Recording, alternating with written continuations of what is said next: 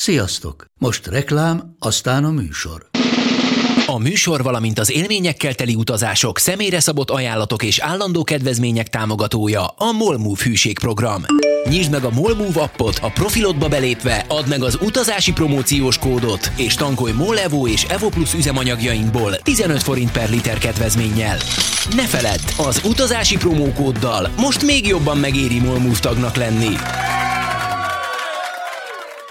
Vége a reklámnak, jön a műsor.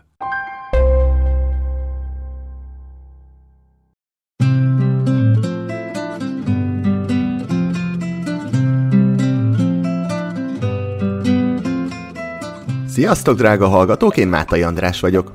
Az Utazási Podcast legújabb részében Kongóba utazunk. Mi köze lehet egy négy gyermekes magyar anyának egy kongói kőtörő fiúhoz?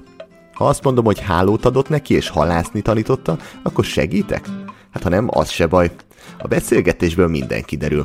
Szó lesz itt kongói utazásról, és azt kell, hogy mondjam, hogy nem raboltak el, de voltam kemény helyzetekbe, és volt, hogy jól jött a tekes kiképzés. kongói hétköznapokról, 8-9 hónapja dolgozik a minisztériumban, és fizetést még nem látott. és az ottani küzdelmekről. Rendőrök éjszaka kirabolták, és elvitték a telefonját meg a tabletjét. Beszélgető társam Bodó Katalin, aki nem csak Kongóba, de az önkénteskedés világába is bevezet minket.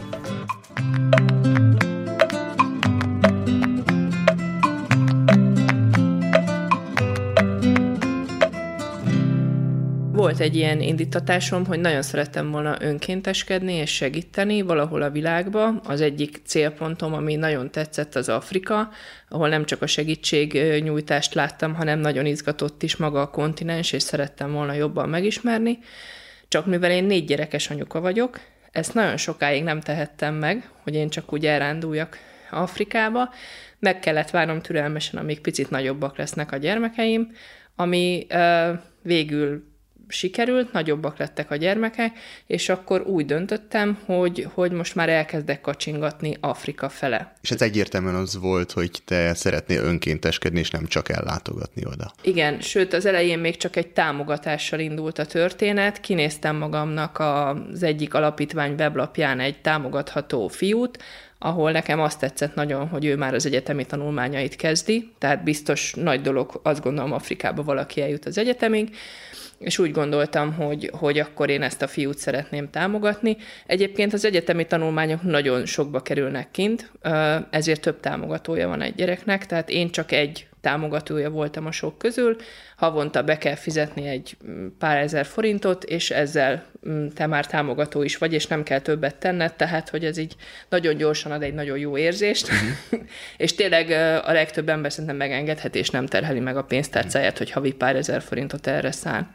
Mennyire transzparens ez? Maga az egész folyamat. Nekem az az érzésem, hogy nagyon sok ember megtehetné, de hogy miért nem támogatnak Nagyon- az emberek? Mert hogy félnek attól, hogy ez a pénz hova fog kerülni. Ez így van, tehát hogy hogy nagyon-nagyon fontos az alapítványok munkájába, hogy ők legyenek átláthatóak, és hogy minél több információt tudjanak a gyerekekről megosztani, és egyébként itt van is egy kettőség, mert egyrészt szeretnék védeni a gyerekeket, uh-huh. és nem olyan sokat beszélni róla, de viszont, hogyha meg nem mutatják meg a gyerekeket, akkor meg nem hiszik el, hogy tényleg oda megy a pénz, és tényleg segítséget kapnak ezek a gyerekek. És... Mi alapján dönt, választottál te? Én az alapján, hogy két egyetemista fiú volt a honlapon, az egyik André Mutuale, aki egy nagyon szegény kőtörő családból származik, és könyvelő szeretett volna lenni. Pár fénykép volt fent, meg röviden az élettörténet leírva.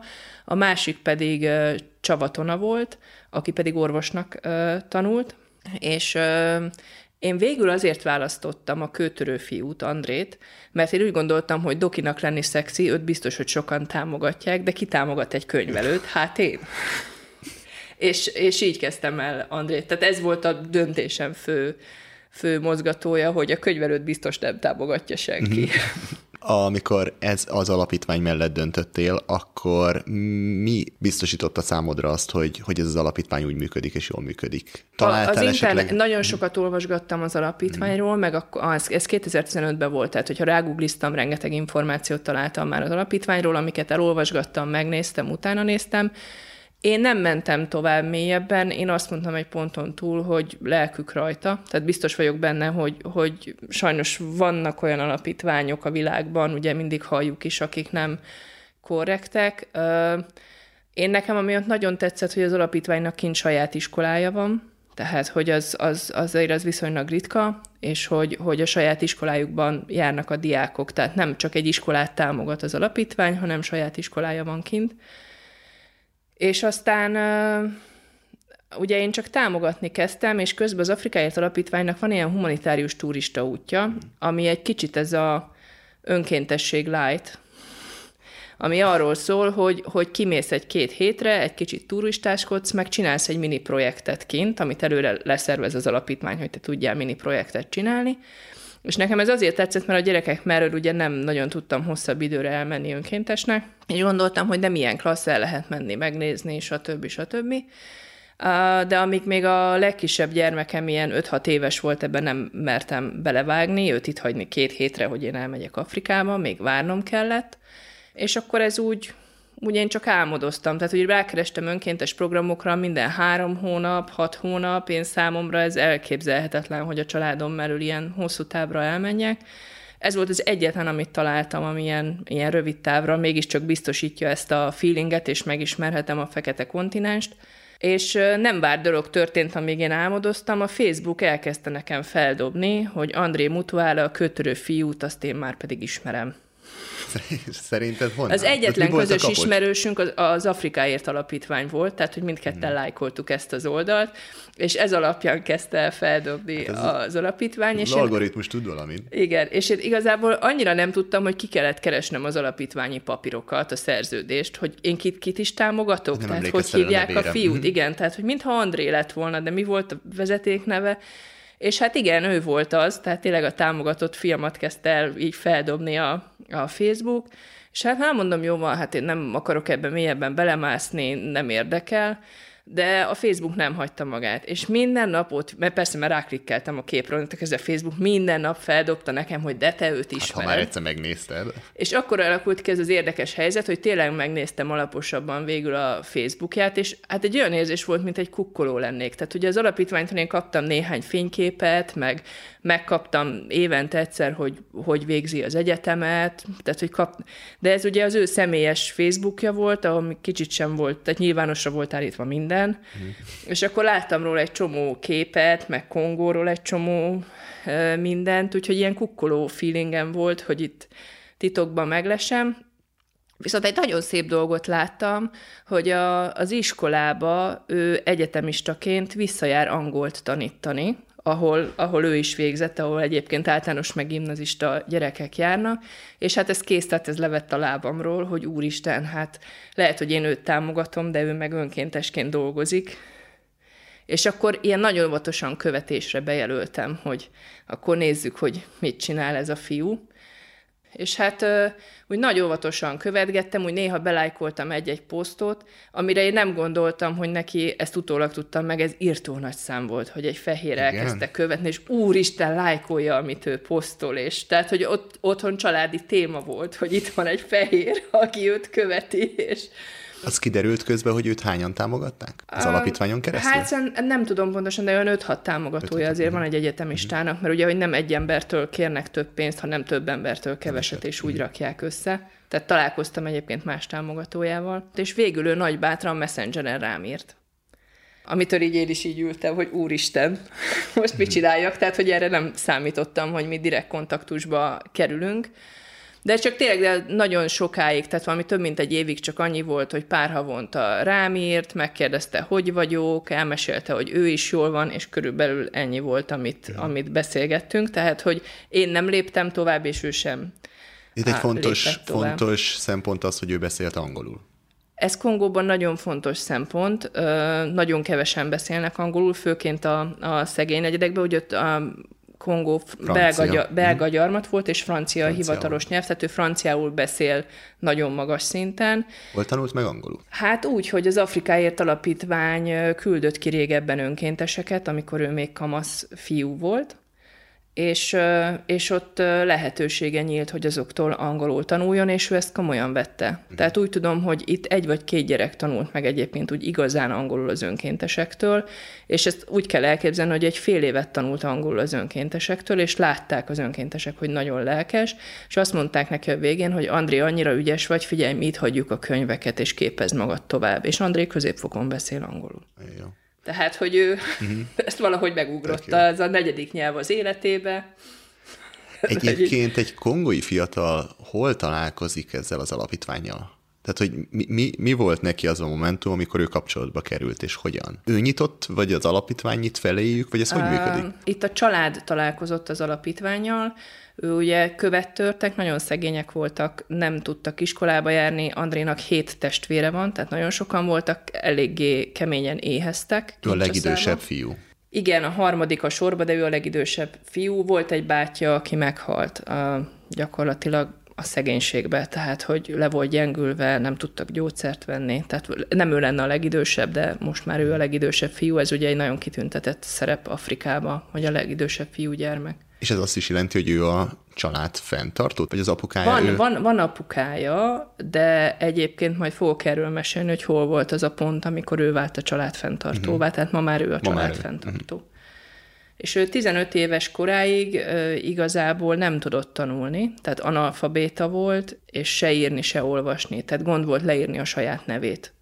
Ennyire, ennyire nem tudott iskolába járni, és az Afrikáért alapítványjal találkoztak, amikor André 15 éves volt. Saját bevallása szerint egy nagyon dühös és elkeseredett kamasz fiú volt, aki reggeltől estig a tűzőnapon a kőtörőbe dolgozott, és akkor sem biztos, hogy tudott vacsorázni. Többi étkezésről meg nem is álmodhattak.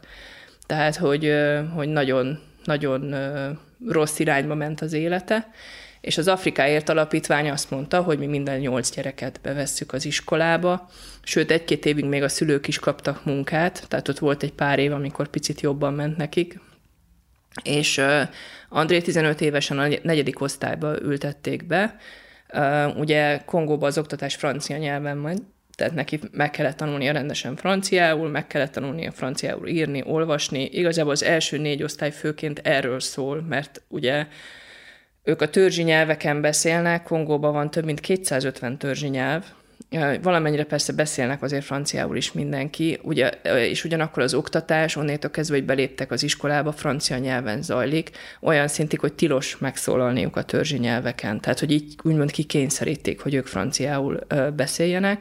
Tehát ő ebbe fel kellett zárkozni, és ha belegondolunk, borzasztó nehéz hat évesen bemenni az iskolába, kapsz egy idegen nyelvet, és ezen az idegen nyelven kell megtanulnod írni, olvasni. Tehát, hogy ez így egy nagyon, nagyon nehéz ugrás szerintem a gyerekeknek, és nem is úgy vannak, mint mi, hogy egy-két év alatt megvan az az írás, olvasás, igazából az első négy év arról szól, hogy ezt, ezt fokozatosan egyre erősebben tanítják nekik, és akkor a végén érettségikor franciául simán eszét írnak. Tehát, hogy, és hát ezért változó is, tehát, hogy nagyjából mindenki beszél franciául, de hogy milyen szinten beszélik a franciát, az azért az azért nagyon kétséges. Tehát aki nem olyan jól edukált ember, azért az nem fogja olyan magas szinten beszélni a franciát, de valószínűleg megérti és válaszol. Uh-huh. Tehát ezt, ezt azért úgy tudják. És tehát ez a francia nyelvvel kapcsolatban, tehát ő beült 15 évesen a negyedik osztályba, és aztán elkezdett ugye menetelni, tehát ő megértette azt, hogy mennyire fontos a tanulás, és ez mennyire nagy lehetőség neki, hogy ő tanulhat, és előrébb juthat. A szülők nagyon-nagyon tolták, hogy tanuljatok, mhm. tanuljatok, tanuljatok. Egyébként a kongóiak, ők, a kongói fiatalok ezt értik, és tudják, hogy a tanulással előre lehet jutni. És... Ebbe az iskolában nagyon nyomják nekik. Mm. Tehát, nyomják. hogy, hogy mm. nagyon-nagyon, hogy ez a lehetőséged van a kitörésre. Ez egyetlen. Igen, szinte. tehát uh-huh. nincs nekik más. Tehát és ki is használják. Tehát, hogyha kapnak egy ilyen lehetőséget, hogy jön mondjuk Általában egy alapítvány... igen, tehát aki egy intelligens gyerek, az rá cuppan és, és uh-huh. tanul keményen, igen. Itt ugye sokszor inkább az szokott lenni a probléma, hogy hogy a körülményei olyanok-e, olyanok-e. Tehát hogy a, úgy van ebbe az alapítványi iskolába, hogy gimnáziumba, a hatosztályos a gimnázium, hatosztályos az általános, a délután van a gimnázium, mert ugye hely nincs elég, tehát délelőtt van általános iskola, délután gimnázium, ugye termeket duplán használják ki, és itt nagyon fontos, hogy, hogy az André például úgy végezte végig a gimnázium hat évét, hogy akkor megint rosszul ment a családnak, tehát ő ötkor kelt, hatra ott volt a kőtörőbe, hattól tízig követ tört, a nagy köveket ő törte meg, hogy aztán azt utána aprítani kell még kisebbre, azt már el, meg tudják csinálni a többiek Építkezés, is. Építkezéshez? Igen, igen, igen, ezt, ez, ez ők egy kőtörőben, tehát ilyen kalapáccsal törik a nagy követ kisebbre, tehát képzeld el egy farmernadrágba, papucsba, zokni nélkül, póló nélkül ül a tűzőnapon, és Törje hatalmas követ. erővel kell ott lecsapdosni, hogy azt széttörjék a köveket, és utána van egy ilyen kisebb, megfogható, tömör kis eszközük, azzal pedig apróra törik, azt mondjuk, egy 10-12 éves gyerek is tudja csinálni, tehát gyerekek is dolgoznak a kőtörőben, és végzik a, a munkájukat és André így reggel négy órát dolgozott, feltörte a, a nagyköveket apróbra, hogy a család többi tagja majd tudja aprítani kisebbre, utána visszament haza, lefürdött, és délre átment az iskolába, déltől ötig tanult, utána hazament, megírta a leckéjét, és hat évig ő így élt, és így tolta a napokat, hogy ő, ő igenis le akart érettségizni, és ezt hmm. meg akarta csinálni. Ez a kitartás azért nagyon nagy szó, nem? Ez igen, tehát, hogy szerintem ez átlagon felüli. felüli ugye? És nagyon-nagyon, André nagyon-nagyon szeret tanulni, nagyon-nagyon szeret új tudás birtokába jutni, tehát szerintem látszik ez az angol is, hogy ő ragadta meg azt a lehetőséget, hogy plusz egy nyelvet megtanuljon. Uh-huh. Tehát még egy barátjáról tudok, aki vele együtt megtanult, ő egyébként orvos lett. Uh-huh. És mondjuk a többi kongói fiatal szintén elkezdi, de kihullik közben, vagy mondjuk a, inkább a munkára kell so? Igen, sokszor ugye az a baj, hogy hogy nincs idejük. A lányok vannak inkább veszélybe, hogy a kisebb tesókra kell vigyázni, vizet kell hordani, többi Nem tud leckét írni. Így az élet elviszi, be kell a, állni dolgozni. Elviszi. Igen, anyukának végre munkája van, akkor mm. a mhm. kisebbekre neki kell vigyázni, és a, a lányok nagyobb veszélyben vannak, bár most az új elnök, Félix Csiszedeki indított kampányt, hogy a lányokat is adjuk be iskolába, tehát amikor legutóbb kim voltam, akkor tele volt ezzel plakátolva Kongó, ez iszonyat nagy dolog, tehát a, ott abszolút egyértelműen a férfi az úr a családba, a nőnek nem kell tanulni, mert ő csak vigyázzon a gyerekre, és vigye a háztartást, minek oda iskola, és most megjelent ez abszolút ez a kampány, hogy és a lányokat is tegyük be az iskolába, ők is fontosak. Uh-huh. Tehát szerintem ez, ez, ez egy pozitív dolog, ami elindult Kongóba. Az általános iskola az hogy néz ki? Ingyenes? Kinek ingyenes? Kinek kell fizetni? 2019-ig fizetős volt minden iskola, éppen ezért nem is tudtak járni, mivel hogy ugye nagyon nagy a szegénység Kongóba, és egy családban van 6-8 gyerek, nem tudják ezt kifizetni, ami az iskolába járáshoz szükséges. 2019-ben vezette be szintén az új elnök, hogy az állami iskolák ingyenesek, amitől nagyon-nagyon sok gyereket sikerült beiskolázni, viszont nem elég az állami iskola. Tehát, hogy állami iskolából, tudom én, körülbelül olyan lehet a megoszlás, hogy az iskolák 40%-a állami, a 60% az ilyen magán, alapítványi, a többi. Ezáltal száz fősé duzzadtak az állami iskolákba az osztályok, és nagyon sok olyan rész van, ahol nincs állami iskola, még kincseszán belül is nem elérhetőek. Ez azt jelenti, hogy ugye egy körülbelül egy ilyen, egy ilyen négy kilométeres körzetből sétálnak be a gyerekek az iskolába, ha annál messzebb van, és kéne valami transportation használni, akkor azt meg, bocsánat, kéne valami közlekedést használni, akkor azt nem tudják már megfizetni. Tehát, hogy onnétól kezdve ott van alapparcakad, nem a, nem a tandíjra megy a Persze. pénz, hanem a közlekedésre, ugyanúgy nem tudják kifizetni.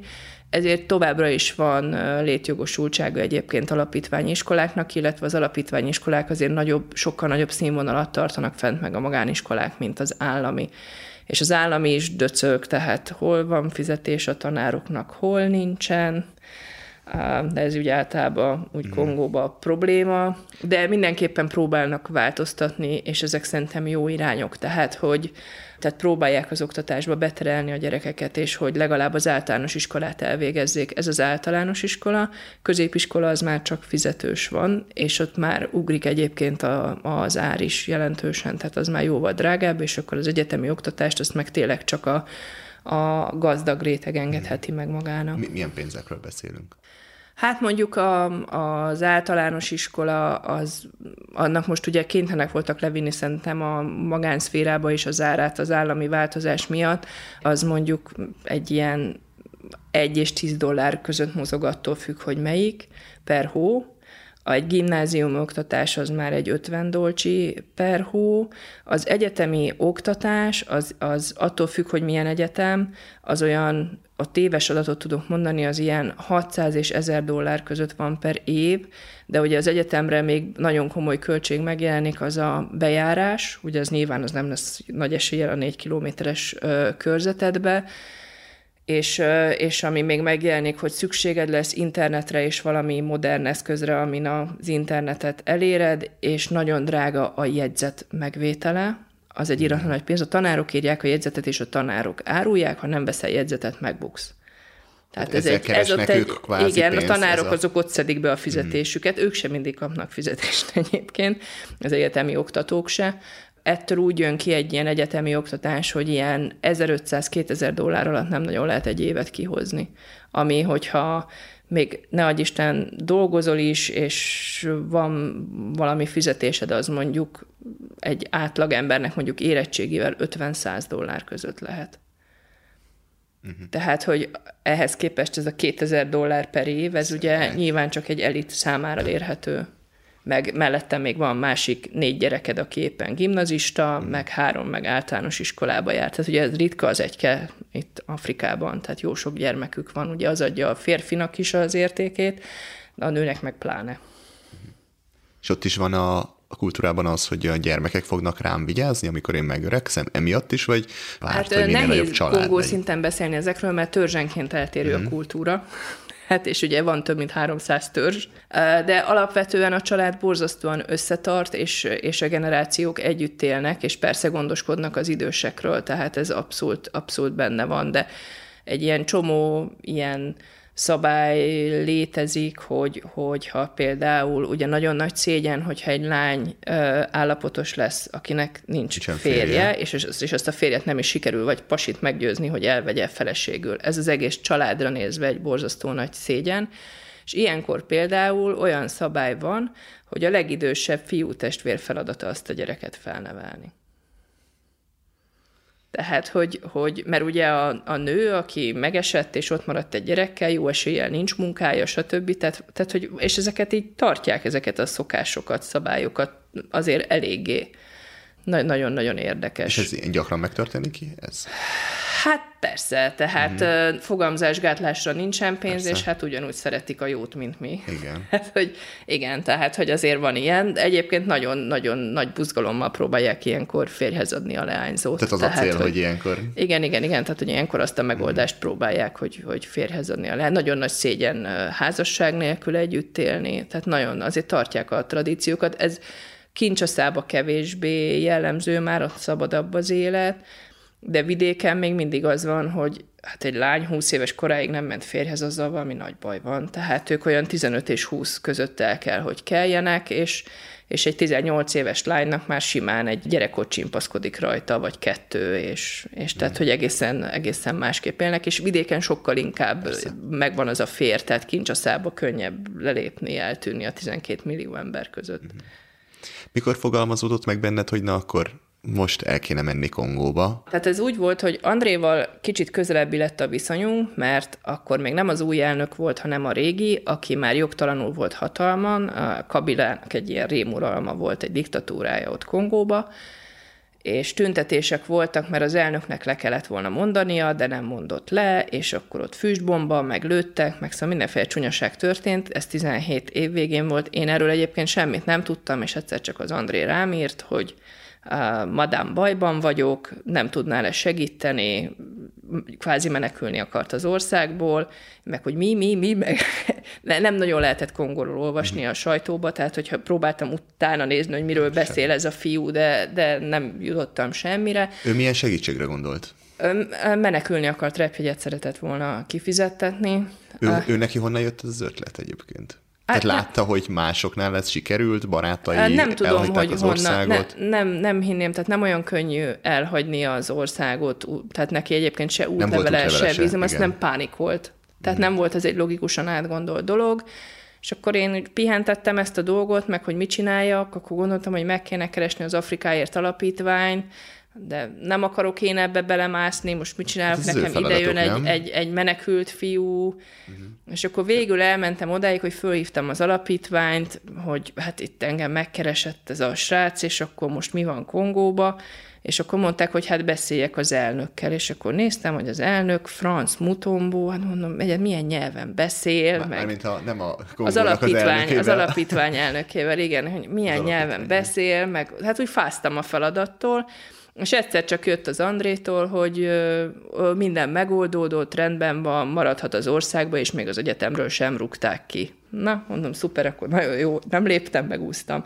Te De egyébként, on... bocsánat, te egyébként elgondolkodtál azon, hogy, hogy akkor tényleg segítesz abban igen, neki, igen, hogy igen. kimenni itteni az országból? Igen, tehát nem, ne, én nem tudtam felmérni, hogy mekkora a probléma, hogy neki tényleg mennie kell, vagy, vagy, vagy mi van ott. Nagyon keveset tudtam akkor még Kongóról. Viszont ennek kapcsán elkezdtünk jobban beszélgetni, közelebbi lett egy picit a viszony, többet beszélgettem vele, hogy hogy megy az egyetem, stb. Ez volt ugye 2017 év végén, és 2018-ban indult egy home tour Kongóba. És azt úgy éreztem, hogy na ez most azért indul, hogy én menjek. Az a home tour az humanitárius turizmus, ami egy ilyen kéthetes út, amiben eh, kicsit belekóstolhatsz Kongóba, van bent turizmus is, de van bent önkéntes munka is, ez volt az, amire említetted, hogy van egy projekt, amit Igen, el van egy kell projekt, amire, amire, amire eleve tudod, hogy milyen projektre mész ki, és hogy miben kell segítened. Ilyenkor uh, szoktuk gyűjteni adományokat, azt visszük az iskolába, a gyerekeknek tanszereket főként, a, amiket odaadunk, tehát járunk, elmegyünk az alapítvány iskolájába, tényleg ott van az iskola, tényleg ott vannak a gyerekek, az alapítvány árvaházába, hogy tényleg ott vannak az árvák, aranyosak, cukik, minden ilyet megnézünk, és akkor van bent turizmus, tehát ugye Kongó gyönyörű, a maga, maga a paradicsom egyébként, tehát hogyha nem lenne az a szegénység, egy fantasztikus ország lenne. És, és akkor van egy mini projekt, amit megcsinálsz. Nekem ez az volt, hogy elmentünk Luanikába, egy kis hegyi faluba 2500 méter magasra, már a maga az út is sem volt semmi. Az Én... egész utat majd mindjárt meséld el részletesen Igen. az egész megérkezést, csak röviden, hogy akkor mi volt a projektnek, mi volt a célja, hogy ti mit fogtok ott csinálni? A Luanika projekt célja az volt, hogy ott egy helyi kis rendelőt felújítunk, ami borzasztó állapotban hmm. volt. Mekkora csapat jött össze? Hát szerintem olyan 8-10 voltunk 8-10. ezen az úton. Indulás előtt mi járt a fejedben? Mik voltak az elképzelései, elvárásaid? Én nagyon, nagyon izgatottan és nagyon nyitottan mentem, és kaptunk egy elég komoly felkészítést. Egy, egyrészt egy ilyen interkulturális felkészítés zajlik, ami lehet, hogy furán hangzik, de ilyen apróságok vannak benne, hogy tudjál olyanokról, hogy például fekete férfi nek eszébe nem jut a te csomagodat cipelni, egy nő csomagját. Ugye, amit egy fehér férfi, ha te látod, hogy én itt nyüglődök egy bőröndel, akkor fogod és kiveszed a kezemből, hogy segítsél. Afrikába a nő cipel, tehát belük fel sem merül, hogy a nő ne bírná el. Tehát, hogy egész életükben a nők cipelnek, és nem a férfi.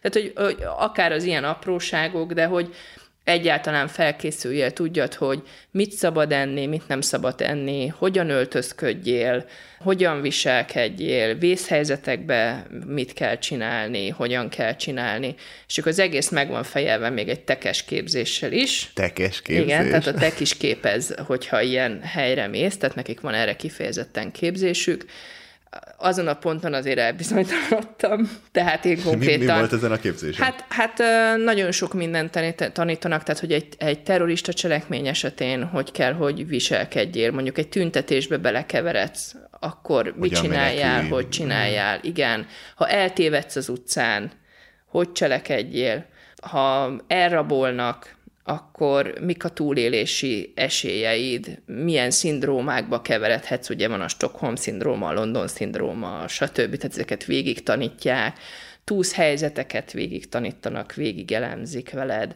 Egy lezárt borítékba a teknél ott van nekem mindenféle adatom, tehát hogyha ha elrabolnának, akkor ez segíti nekik a munkát, hogy kivel vegyék fel a kapcsolatot, bankszámla adatai, mert csomó minden ott van náluk, ami abba segít nekik, hogy gyorsabban tudjanak és hatékonyabban lépni. Na és akkor itt van egy olyan kérdés, hogy mondj egy jelszót, amit kvázi álmodból felkelve és meg tudsz mondani, de csak te tudod rá a választ, senki más, meg a, a párod, akit esetleg fölhívnak, és ez azért nagyon fontos, és ezt így elmondják, hogyha mondjuk téged három hete vernek és éheztetnek, neked erre akkor is tudnod kell a választ. És ezt így meghallottam, és mondtam, hogy hát én lehet, hogy rossz helyre jöttem. Uh. És egyébként volt, volt korábban önkéntesekkel valami probléma? Tehát, hogy ez, ez nem, azért... nem, tehát az Afrikáért Alapítványnak egyébként minden útja sikeres mm. volt, és nem raboltak el senkit. senkit. És... Csak de, azért... hogy, de ezek a képzések mennek, tehát most is van a Magyar Önkéntes Liga is tart az önkénteseknek képzéseket, és ugyanúgy van rajta előadás, tehát hogy felkészítenek azért. Mm. Azt mondják, hogy, hogy fogadd el, hogy megtörténhet, és minden Készülj létező helyzetre megpróbálnak felkészíteni, és azt kell, hogy mondjam, hogy nem raboltak el, de voltam kemény helyzetekbe, és volt, hogy jól jött a tekes kiképzés, igen. Na, ezt mindjárt elmesélheted. A Kongó, mint ország a külügyminisztériumnak melyik listáján van? Az ajánlott, nem ajánlott? Nem ajánlott. Nem ajánlott, és, de nincsen tiltó listán. Nem ajánlott, igen, tehát nem ajánlott beutazásra, de lehet menni, és a tekesek megnyugtattak minket, hogyha baj van, akkor ők jönni fognak. Igen? Igen. Hát az tök jó. De így azt kell elképzelni, hogy egy ilyen afrikás elrablás és kiszabadítás az olyan másfél év. De, tehát, hogy nem egy vidám perspektíva. Jó, a család mit szólt ezen a pontra, amikor hazamentél a tekes előadásra, Én és ezt ezt nem elmes... mertem elmesélni. Ja, ezt nem mesélted el neki? Akkor nem. Később? Hát később persze beszélgettünk erről, igen. De... Felmerült, hogy akkor nem mész, hogy lemondod? Nem, én bennem nem, nem. én nagyon menni nem. akartam.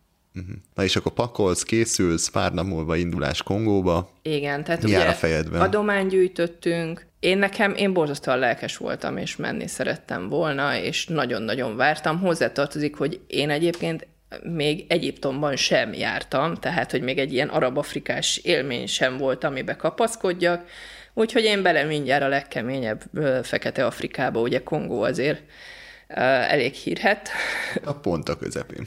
Igen, oda belandoltam, és hát valami egészen döbbenetes élmény volt egyébként. Tehát az első, ahol így felfogtam a dolgot, amikor felszálltunk Isztambulban a Kincsasza felé tartó gépre, és regisztráltam, hogy itt én vagyok a kisebbség. Tehát mindenki fekete volt a gépen, és mi páran fehérek utaztunk ott, magyarok és egyébként oda nem egy fehér ember, tehát hogy ez így, ez így nyilván azért járnak páran, de hogy, de hogy, de hogy tényleg, tényleg nagyon kevés fehér ember jár Kongóba. Melyik légitárság volt ez? Komolyabb légitárság, vagy ez kongói? Turkish Airlines Turkish, hát az egy, az egy normális Turkish légitárság. van ott egy körjárata, igen. És akkor leszálltatok?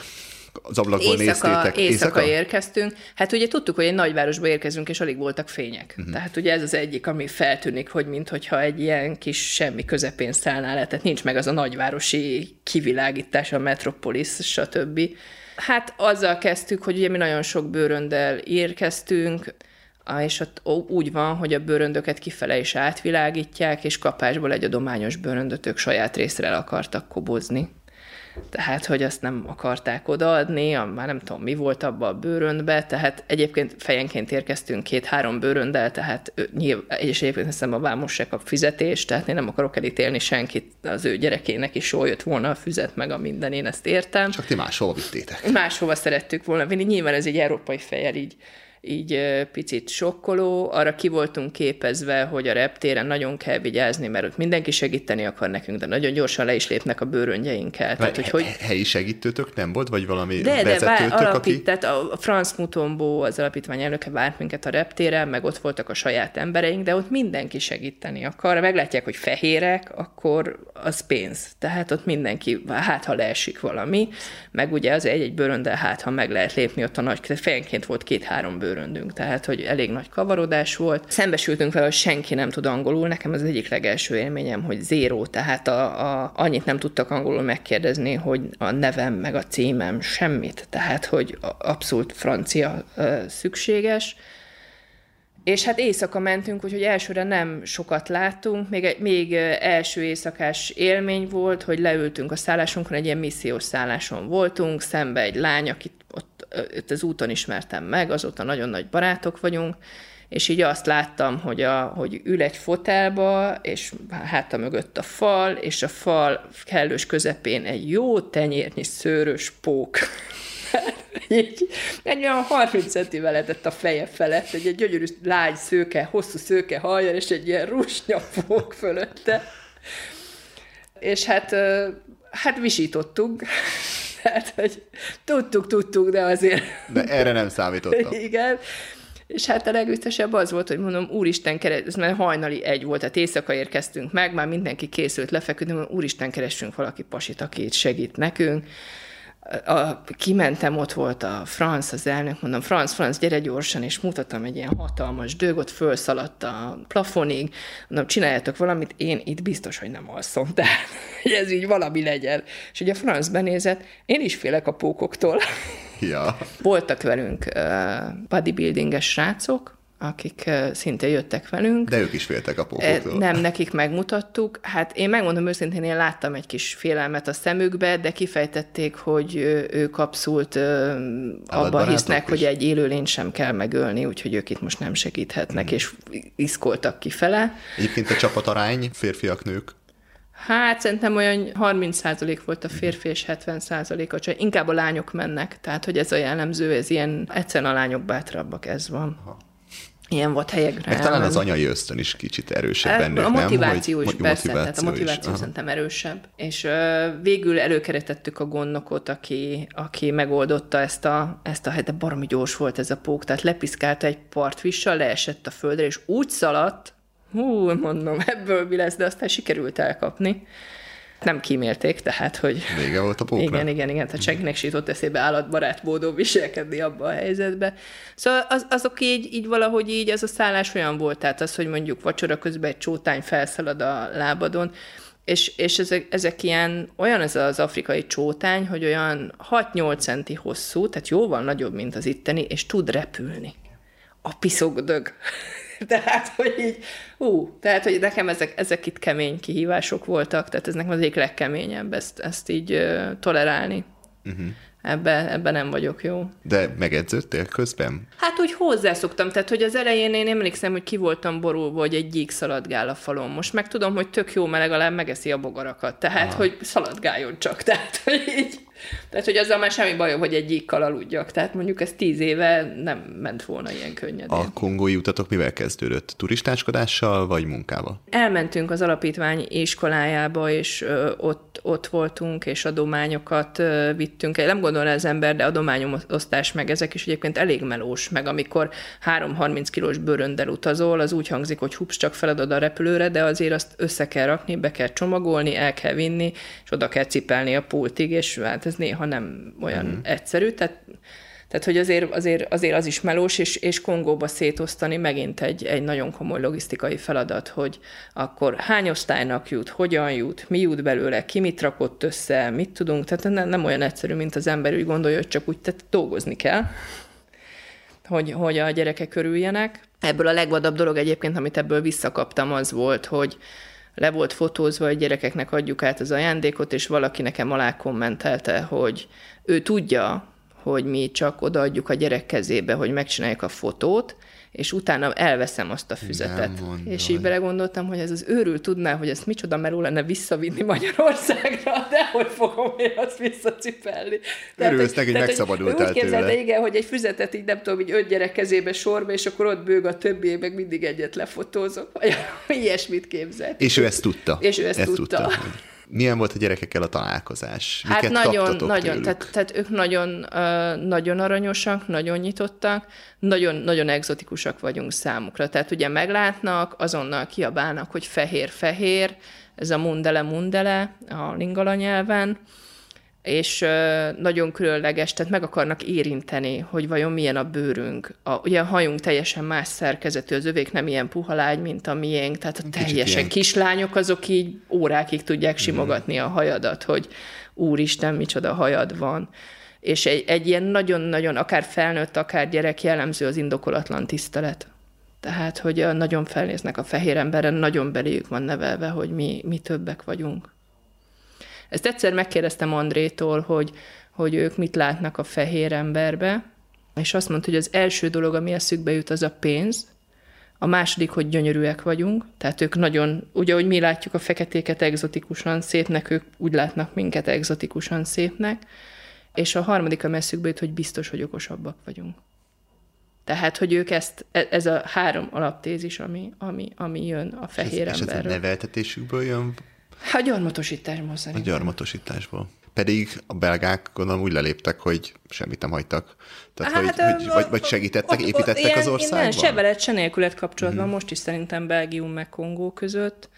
Egyébként annó építettek, és aztán amikor ők elmentek 1960-ban, ugye akkor szabadult fel Kongó, akkor még egy darabig működtek a dolgok, csak ugye azért a gyarmatosítók, ez úgy általában igaz, nagyon vigyáztak, hogy, hogy nem szakértőket, mérnököket neveltek ki, azért arra vigyáztak, hogy ne nagyon, hanem, hanem az a saját embereik voltak. Tehát, hogy utána gond volt a gyárok működtetése, vasútvonalak karbantartásra, mert lehet, hogy volt egy-egy munkás, aki tudta a dolgát, de hogy az egészet hogy kell irányítani, szervezni, és a többi, ez, ezek a tudások nem lettek átadva, és aztán Kongóba utána ugye volt egy pár háború, meg egyebek, és akkor ami volt is szétlopták és lerombolták, uh-huh. tehát hogy nagyon-nagyon rossz állapotban van Kongó. A gyerekekkel milyen kapcsolatot sikerült kiépíteni ezen kívül, hogy kíváncsiak voltak rátok és felnéztek rátok? Nem voltunk sokat ott, tehát körülbelül egy napot, tehát mondjuk fél napot voltunk a gyerekekkel, meg egy pár órát a, akkor az árvaházba, tehát itt még kapcsolatokat egy ilyen humtúrban nem lehet Persze. szerintem Még nem is, nem is szabadna annak a célnak lennie, mert hogy utána, ha talán még rosszabbul is jár az a szegény gyerek, hogy kialakul valami kapcsolat valakivel, aki utána elmegy, nem? Ennek, én nekem ezzel visszássak a gondolataim, hogy ez vajon rossz vagy nem rossz. Én nem tartom ennyire rossznak, hogyha ez a kapcsolat nem a, a dáig megy el, hogy ő az anyukájának tekint, vagy az mhm. apukájának, vagy ilyesmi, akkor én szerintem ezzel nincs olyan nagy baj. Nehéz volt, mert hogy volt egy-egy gyerek, akivel esetleg kicsit személyesebbre lehetett kötni a dolgot, de hogy irdatlan mennyi, tehát 400 gyerek rohangál körülötted, és mind a 400 meg akar érinteni, és mind a 400 fotózkodni akar vele. Tehát ők ez, akarnak Igen, tehát nagyon érdekes, hogy, a, hogy Kongóba, főként még ott, amikor Kabila uralma volt, nem nagyon szabadott mondjuk az utcán fényképezni, tehát azon a gépfegyveres rendőr jött reklamálni, hogy te itt nem, és nem, nem tette hátra a fegyverét, tehát így, hogy ezt most hagyod abba, vagy elkobozza a telefonon ott az iskolába lehetett, és abban a pillanatban, hogy ők, a gyerekek, hogy megértik, hogy te mit csinálsz, és hogy fényképezünk, és utána megnézheti a fényképet, meg minden, hát iszonyatosan élvezik. Tehát ők ilyet nem nagyon csinálnak egyébként, és az, hogy ott látják a gépbe, hogy ők ott vannak, és hát ezt borzasztóan élvezik, és szeretik csinálni. Tehát ebből bármennyit lehet hmm. szerintem tolni. Csak velük. hogy a félreértések elkerülése véget nem ők fotózgat, tehát hogy nem ő nekik van kamerájuk, amivel fotóz. Ti, kam- ti fotóztok, és azokat szeretnék nem, de visszanézni. Meg, én azt szoktam, hogy meg szoktam nekik mutatni, hogy Igen. hogy kell csinálni, és akkor ő nyomhatja, és, és hát az akkora élmény, hogy és akkor fotózza a többieket, vagy ha magát selfie, hú, hát ezt nagyon, tehát olyan kép pofákat tudnak vágni, borzasztóan élvezik. Ellenben, hogyha arról van szó, hogy csak azért fotózzuk le őket mondjuk, hogy támogatási programba, és hogy akkor úgy hivatalosan most ide kell állni, na, nincs az az Isten, hogy elmosolyodjanak. Mm. hát, hogy az nagyon nehéz olyan képet csinálni róluk. Tehát nem olyanok, mint a fehér gyerekek, aki meglát egy fényképezőgépet, akkor már egy két éves kötelező mosolyt villant, valljuk be, tehát hogy annyira hozzá vannak szokva a kamerához. Ők nem fognak, tehát meglátja, és ilyen rémült képet vág, és, és akkor utána meg ugye nekünk kvázi ezt itthon, ugye milyen aranyos. Igen. az az aranyos, aki mosolyog az európai szemébe, tehát hogy ez egy nehéz Most nehéz ez beugrott ügy. nekem, igen, hogy, hogy amikor én voltam Afrikában, büdös nem akartak mosolyogni, mert ő szerintük ők azt mondták, hogy ha mi lefotóztuk őket mosolyogva, az nem szép, és ha megnézel ilyen régi fotókat, Nagyon- század nagyon elő, mindenki nagyon komoly. Igen. És hogy ő bennük ugyanez van, hogy a mosolygás az nem szép, és ő neki komolynak kell lennie a kamerán. Igen, igen, és nagyon komolyan állnak bele, és nagyon nehéz őket megnevettetni. Te amikor ott vagy a, egy ilyen iskolában, és látod a gyerekeket, akkor nem jut eszedbe az, hogy még hogyan tudnék segíteni, és még kellene segítenem nekik? Hogy mondjuk De, itt egy dehogy gyerek valakivel, akivel van egy szimpátia, azzal azt mondja, na én szeretném őt támogatni. És akkor hol van itt a határ, hogy legszívesebben mindenkinek segítenél? Ö, igen, hát szerintem a pénztárcát szab ö, határt. Ö, egyébként, de volt ilyen, hogy humturista kijött, akinek nem volt támogatott gyermeke, és ott voltunk az iskolába pár napot, és akkor, és akkor pár nap alatt beleszeretett egy kisgyerekbe, beszélt az alapítvány elnökével, hogy őt szeretné támogatni, és akkor ezt így pikpak lezongorázták, és Mhm. azóta is támogatja. Tehát, hogy ilyen, ilyen Van. szép történetek vannak, igen, hogy Ugye nekem már volt támogatott gyerekem az André, úgyhogy És ez mondjuk hogy befolyásolja az őket abban, hogy hogyan tekintenek a fehér emberre, hogy mondjuk, ha megérkezik egy fehér ember, akkor azt látják benne, hogy itt a lehetőség arra, hogy valaki támogasson, és most van egy, egy órám, hogy én engem... ezt, ne, én ezt hogy nem, éreztem ezt a Aha. Tudatosságot, ez inkább a természetükből jön, hogy van olyan gyerek, aki szégyellősebb, van, aki olyan magamutogatósabb, vagányabb, bátrabb, de hogy így nem... Tehát az őszinteségüket érezted. Ő, ők borzasztóan, tehát ez általában igaz Kongóba, hogy ezt az alakoskodás dolgot ők nem ismerik. Tehát, hogy ugye eleve a pillanatban élnek, a mában élnek, és hogy, és hogy azt mutatja, ami van. Tehát, hogyha ő éppen mérges valamiért, akkor üvölteni fog a másik kongóival, hogyha, hogyha meg két perc múlva lehet, hogy megint a legnagyobb barátok. De tényleg a üvöltözés, amire itt Európában már mindenki összecsődül, és ott, ott teljesen mindennapos, és tehát, hogy kijönnek az érzelmek, kész. De ugyanígy kijön a szeretetük és mindenük, tehát hogy nem fogják visszafogni magukat, hanem, hanem így árad belőlük, ami éppen van. Ezután mentetek a... Ezek után egy kicsit kirándulgattunk, ami hát ugye akkor a diktatúra volt, az egyik dolog, amire így, így nem nagyon számítottunk, legalábbis én, mint humturista, hogy rengeteg rendőrségi ellenőrzés lesz, kordonokkal, egyebekkel, és hát abban a pillanatban, hogy meglátták, hogy fehérek is ülnek az autókba, három autóval mentünk, azonnal elénk a szöges drót lezárva, eh, tök mindegy, valamibe bele lehet kötni és pénzt szerezni. Elsőre nem is nagyon értettük, hogy mi van, tehát az egyik autóban mi pont úgy utaztunk, hogy, hogy eh, humturisták ültünk benne, de olyanok, akik nem tudtak a sofőrrel beszélni, tehát hogy nem beszéltünk közös nyelvet, és ö, sofőr ott adogatta a papírokat, azt láttuk, egy ilyen olyan rendőrnő igazoltatta, akinél gépfegyver volt, és egy hatalmas vágás volt a, a szájától a füléig, tehát egy kicsit sem barátságos, és mindegy, biztos megyünk tovább, ugye ott mi hát, hát rendőr, hát ugye magyarként fogtuk fel a rendőrt, és akkor ez úgy feltűnt, hogy úgy emelkedik a hangerő, hogy valami nincs rendben, és akkor a sofőr húzta fel az ablakot, és a valami papírt így ablakon keresztül mutatott csak a, a rendőrnek, oda passzintotta az ablakhoz, de már nem adta oda neki, és a rendőr üvöltött, vérben forgott a szeme, gépfegyvertussal ütötték az autónkat, jött a szöges lánc, másik négy rendőr rohant oda, hogy mi van gépfegyverekkel, hát azért úgy sápadtunk le rendesen. Nem, nem is értettük, hogy mi folyik. Az volt a legrosszabb, hogy nem csak- értettétek, ugye? Tehát, hogy még érteni se értettük, csak hogy úristen, mi van, és hú, ha baj van, és akkor messengeren gyorsan írtunk a francnak, hogy te figyelj, minket megfogtak, itt baj van, gyere vissza. Ja, mert hogy a többi autó már elment. Igen, a többi ja. autó átjutott, mi nem. És akkor Franz visszajött, és én tényleg azt láttam, hogy, hogy így a, a dühöngő gépfegyveres rendőrök közé egyszer csak Franz bependerül, mosolyog, beszélget velük, szemben láthatóan kiválasztotta, hogy ki a főnök két mondattal, félrevitte, elveszik a szöges láncot, és mindenki elégedettebb mosolyog. és így Mi történt? igen, tehát, hogy így elsőre így néztük, hát nyilván, nyilván megkapták azt, amit ők akartak, és mehettünk tovább. De hogy azért ezek sokkoló élmények. Tehát fehér ember azért nincs ehhez szokva, hogy szöges ilyen láncot tesznek le az autó elé, gépfegyvereket fognak rád, Tehát, hogy ez, ezért ezek, ezek így kemény élmények voltak. Volt hun turista, aki eljutott a halálfélelemig, tehát, hogy volt pánik rendesen, amit kezelnünk kellett ezekbe a szituációkba. Mármint ebbe a szituációba, vagy egyéb Hát más? sok ilyenünk. Sok ilyen. Ez csak az első volt. Ja.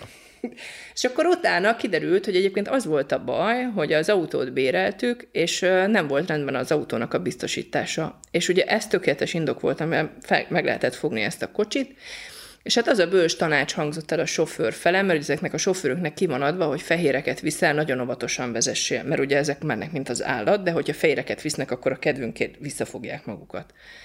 És mondta, hogy hát ne fogd annyira vissza magad, próbáljuk meg elkerülni ezeket az ellenőrzéseket.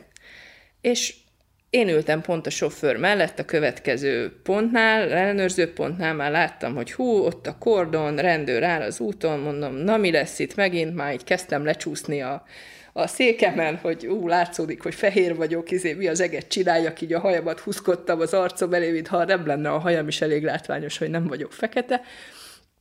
És akkor sofőr megállt, ablak leenged, barátságosan kiköszön, rendőr odalép mellé, hogy mondja ugye, hogy mit akar, ellépett az autó elől, a rend, kinyúl az izé a sofőr, hogy belecsap a kezébe, a rendőr is nyújtja a kezét, és abba a pillanatban full gáz, és a gépfegyveres rendőrök között így eltűztünk, és mondom, de mi van, ha utánunk lőnek? Pacsi, pacsi nélkül? Hát ne, ne még ha ja, csak... még egy pacsit is adott.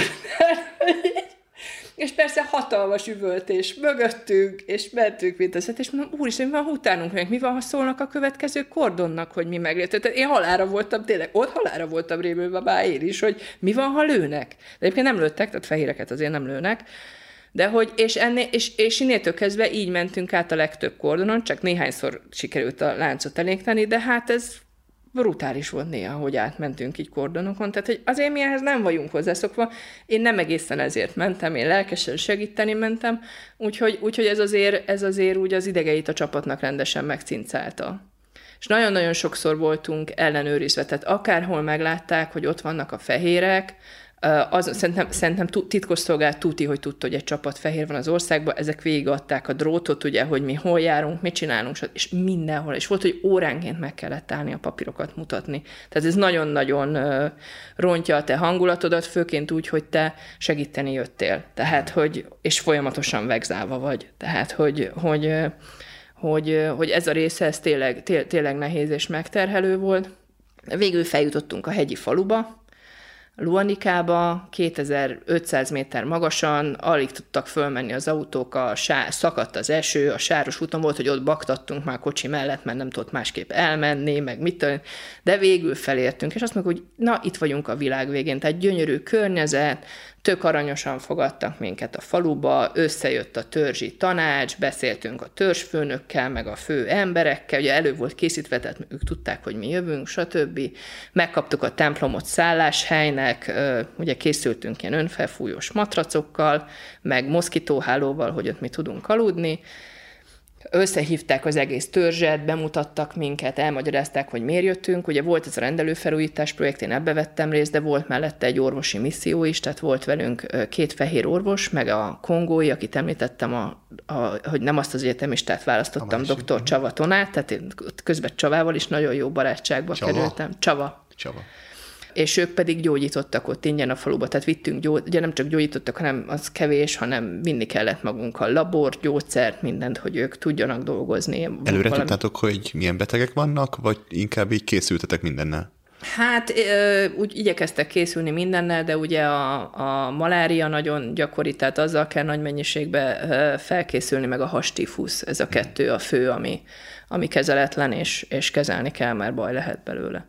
de jöttek oda mindenfélével egyébként, tehát készültek ők más gyógyszerekkel és egyebekkel, de őszintén az orvosok azért olyan sokat nem beszéltek ezekről, nyilván a magyar orvos az, az orvosi titoktartás szerint jár el, tehát hogy ők azért olyan nagyon sokat nem beszéltek arról, hogy... Nem, veletek se osztottak meg. Hát nem mentek részletekbe, egy-egy érdekesebb esetet mondtak el, pedig hogy, egy hogy volt, hogy, volt, hogy jött valaki, hogy, hogy volt egy ilyen pupa karján, hogy nem tudja, hogy mi az, meg stb., és mondták, hogy óvatosan szikével megvágták, hogy megnézzék, és akkor egy ilyen hosszú kilisztát hoztak ki. Mondta, hogy az őket is meglepte, tehát ezt így elmesélték, hogy így... Uha. Ilyen, ilyeneket, akkor ott ők nyelvi nehézségekkel küzdöttek, mert hogy a, a doktor Csava az beszél ugye lingalául, az a Kincsaszába beszélt ö, törzsi nyelv, de ott, ahol voltunk Luanikába, ott voltak, akik csak kikongót beszéltek, és akkor kellett keríteni valakit, aki beszél kikongót meg lingalát is, és akkor a bácsit lefordították ö, lingalára, a Csava megfordította a lingalát angolra a magyar dokiknak, gondolatod, mennyi információ veszett el közbe, és akkor így, így kellett a pácienst kezelni. Tehát, hogy így... ö, kemény. Igen. Hány napig voltatok ott? Itt ebben a kis faluban? Négy napot Négy töltöttünk el, tehát ami rendelőt újítottunk fel, tehát ez a betonoztunk, vakoltunk, festettünk, tehát hogy így, így, Mhm. így kell érteni a, a rendberakást. Hogy nézett ki, amikor megérkeztetek? Három kis szoba volt benne, és feketék voltak a falak, és ott... Ilyen döngölt, ez a sárral döngölt fal, vagy m- m- mészsel vakolt, vagy, vagy milyen kis... Én, tehát alapvetően valamiféle agyaktéglából volt építve, és, és, és aztán nem sárral volt szerintem mésze, de nagyon régen lehetett, és nagyon rett, tehát ami megdöbbentő volt, ez a rettenetes mocsok, hogy egy rendelő az ennyire, ennyire mocskos. És hát így szépen, szépen kitisztítottuk, rendbe raktuk. Ugye gyűjtöttünk erre pénzt, tehát mielőtt mentünk volna humturisták, gyűjtöttünk pénzt, hogy, hogy, hogy magyar emberek segítségével újítottuk fel gyakorlatilag. És hát arra már sajnos nem maradt, hogy, hogy hát a bútorok is nagyon rossz állapotban voltak, tehát nagyon jó lett volna cserélni, de csak, csak azt tudtuk tenni, hogy letisztítottuk, meg újra festettük őket.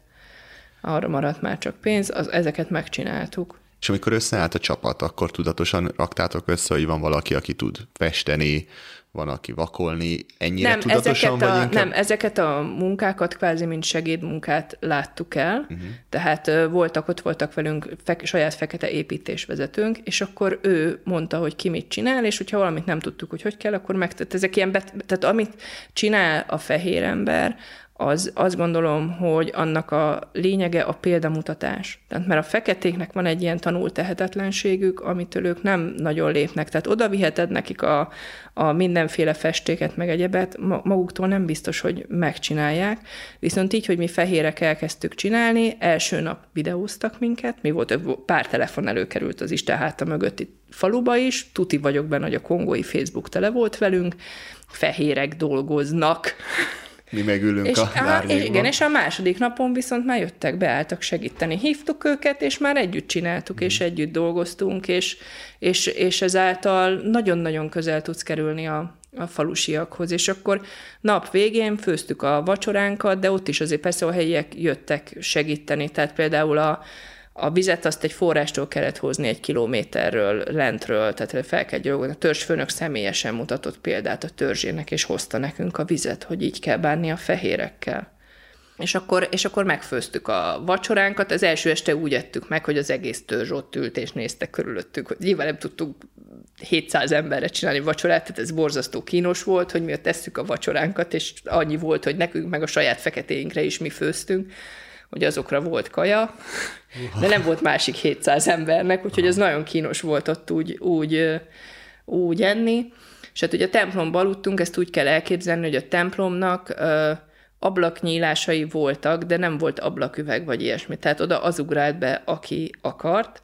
Az ajtó az egy ilyen faajtó volt, amit kővel lehetett megtámasztani, tehát mondjuk azért ott a kongói éjszakában ez olyan borzasztó biztonságosan nem hangzott, és a saját, nem fért mindenki a templomba, ezért a saját feketéink azok autóba aludtak, és akkor ők így az autókkal körbeállták a mi épületünket, úgymond, hogy ők körülöttünk aludtak, hogy védjenek, és, és mivel ez egy határváros volt, és éjszaka mentek át kamionok is, akár tele katonával egyebek, tehát mondjuk, ha ők ott lefékeznek, hogy itt fehérek vannak, akkor nem sok mindenki tud minket megvédeni hogy a, azt csinálta a törzsfőnök, ez a törzsfőnök ott aludt velünk egy széken, és ezzel példát mutatott, hogy érinthetetlenek vagyunk.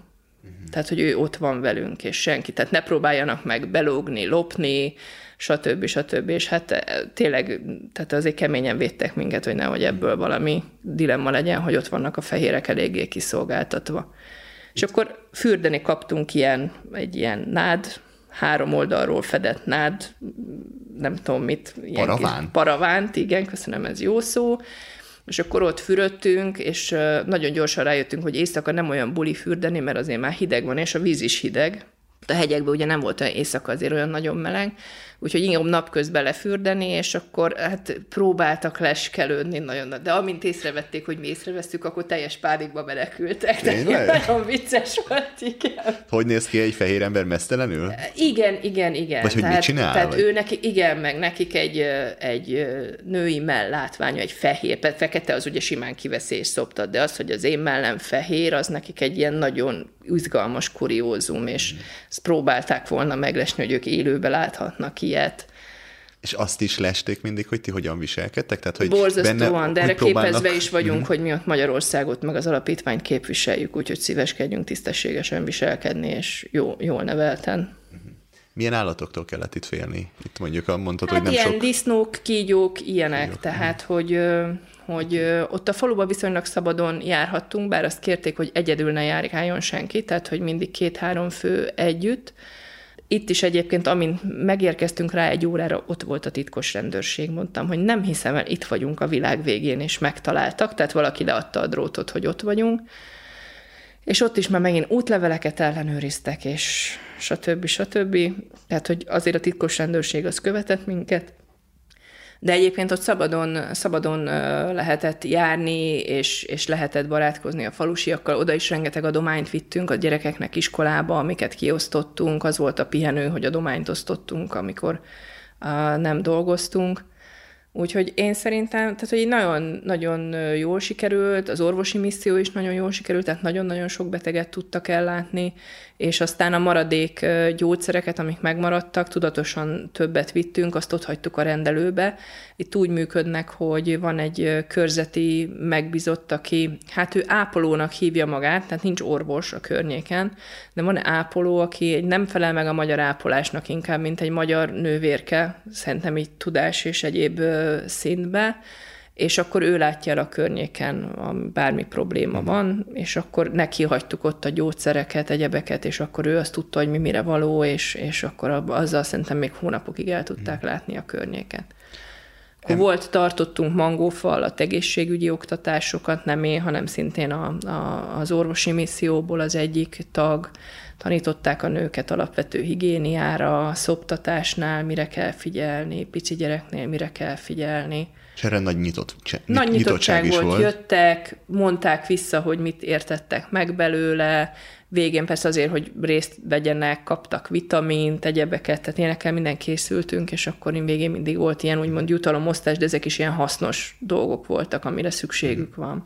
Más országokban hallottam, például Dél-Afrikában, hogy ott kifejezetten nem hallgatnak a fehérekre, mert hogy van egy nagyon rossz megítélésük a fehér emberrel szemben, hogy ő gyarmatosított minket, és ő neki adott célja, hogy minket leigázzon, és ezt konkrétan hallottam Dél-Afrikában, hogy míg mennek az NGO-k és próbálják a helyeket például rábeszélni arra, hogy mondjuk hogyan lehet az éjsz védekezni, és ingyen óvszert osztanak, a helyi sámánok pont, hogy a fehérek ellen beszélnek, hogy te ne húzd fel azt a, az óvszert, amit kaptál, mert hogy ez is a fehéreknek a harca az ellen, hogy minket elnyomjanak. Igen, tehát Afrikában inkább az szokott lenni a probléma, tehát nagyon fontos, hogy a törzs téged, ahol segítesz, ott téged elfogadjanak, és elfogadják a segítséget. Ezt az alapítvány készíti elő szerintem mm. nagyon jól Kongóba, azt kell, hogy mondjam, és nagyon figyelünk végig, hogy hogy nehogy az legyen, hogy rájuk lett erőltetve valami, amit ők nem szeretnének, tehát ez, ez borzasztóan fontos. Egyébként tényleg léteznek olyan projektek, hogy megcsinálják, lefotózzák, elmennek, és a feketék lerombolják. Tehát, hogyha nem fogadták el a fehér embert, akkor az ott tényleg nagy gond lehet.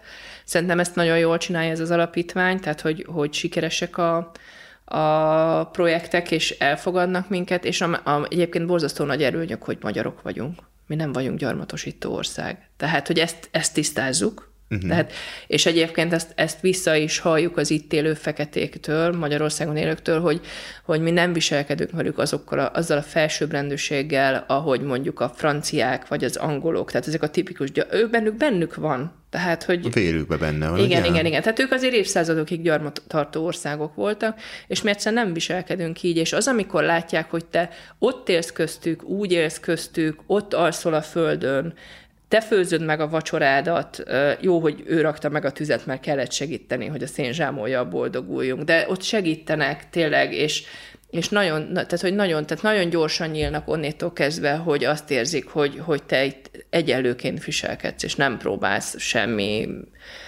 többnek látszódni, mint aki vagy, ami vagy. Uh-huh. Tehát, hogy én, én azt gondolom, amikor ez átmegy, a, tehát a Kongó, például Kelet-Afrika nagyon nyitott. Tehát oda mész, ott mindenki mosolyog, mindenki Kongóba, nem feltétlenül, tehát első legtöbben az utcán barátságtalanul fognak rád nézni, de nagyon vékony ez a jég, amin át kell menni, és abban a pillanatban, hogy átmentél, ők is végtelenül barátságosak kell válnak. Mm. Tehát, hogy, hogy, hogy ha te jól viselkedsz, ha te nem menőzöl, ha te adni mész, ha szeretettel mész, akkor ők ezt két pillanat alatt leveszik. Tök jó. Az előbb említetted, hogy van rajtuk egy ilyen kóros tehetetlenség, vagy tenni nem akarás. Igen. Ez például, hogy van ez a, volt ez a rendelőintézet, ami már tiszta kosz volt, hogy ő nekik eszükbe se jut, hogy ezt fel kéne újítani, vagy nincsen hozzá pénz, Én, nincs, alapanyag. Nincs, pénz, de eszükbe se jut csinálni a má. Ha lenne, egyrészt a ha lenne mában, hozzá pénz és alapanyag? A, a, egyrészt a mában élnek, tehát ők nem terveznek előre, nem hmm. gondolkodnak ilyenekbe.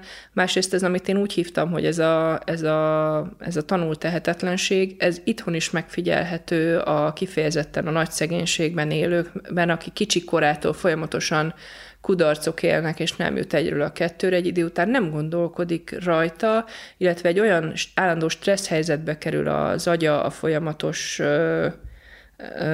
történet, hogy nem is tud távolabbra gondolkodni. Tehát, hogy a, ha ma mínusz 20 fok van és megfagyunk, akkor elégetem a tetőt, mert akkor ma nem fagyok meg. Az, hogy holnap is mínusz 20 fok lesz, és holnap meg megfagyok, addig már nem is jut el gondolkodásba. Ez, ez itthon is tetten érhető, de ott meg ez így eléggé egy ilyen általános dolog. Én azt gondolom hogy a minták hiányoznak. Az oktatásuk is olyan, hogyha el is jutsz iskolába, alapvetően az oktatás még egy ilyen ismétlősös, magolós oktatás, nem nagyon vannak tankönyvek, stb. Tehát felírjuk a táblára a páros számokat, és addig mondjuk százig, amíg nem tudja mindenki a páros számokat. Tehát nem logikára gondolkodásra Igen, igen nem tanítják őket. őket összefüggésekre, egyebek, és hát nincs meg a mintájuk. Ezt ugye én André családjánál nagyon szorosan követem és látom, és hogy miket kell nekik tanítanom, amikre az elején eszembe sült, hogy ezt tanítani kell, mert hogy én nekem olyan természetes, hogy én tervezek, én gondolkodok, én beosztok, én tudom, hogy nekem a jövő hónapban is ki kell fizetnem a rezsit.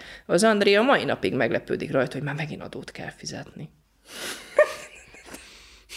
Tehát, hogy így pedig azt tudjuk, hogy két dolog biztos az életben. igen, igen. Halál és az adó. Igen, tehát hogy, tehát, hogy így, de hogyha mondom neki, hogy figyelj, a testvéred januárban, hogy figyelj, a testvéred májusban érettségizni fog, és egy érettségi az mondjuk belekerül egy 200 dollárba, hogy a, valaki leérettségizzen, akkor ne lepődjünk meg májusban, hogy nincs 200 dolcsink. Most kezdjél el félretenni, mert májusban erre kell 200 dollár, és ne az legyen, hogy nincs 200 dollár, és jaj, nem tud a testvérem érettségizni. Aha és, ja. És akkor ilyenkor mit szól?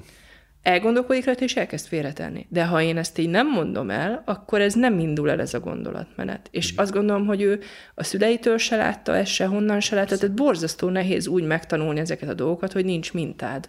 És azt látod, hogy így, hogy tanítod őt ezekre a gondolkodásokra, hogy idővel javul benne? Tehát volt rész, már olyan ötlet? Rész sikereim vannak, igen, de, igen de, de azért nem mondhatnám, hogy minden átmegy. Tehát nekem nagyon sokat kellett tanulnom, hogy ezt hogy kell egy afrikainak mondani, hogy értse, amit, amit én európaiként próbálok mondani, neki meg azt, hogy amit az európai mond, az igazából mi az eget jelent afrikaiul. Tehát, hogy mi dolgoztunk úgy együtt Andréval projektbe, hogy hogy segítettünk a, egy mikrovállalkozást indítani.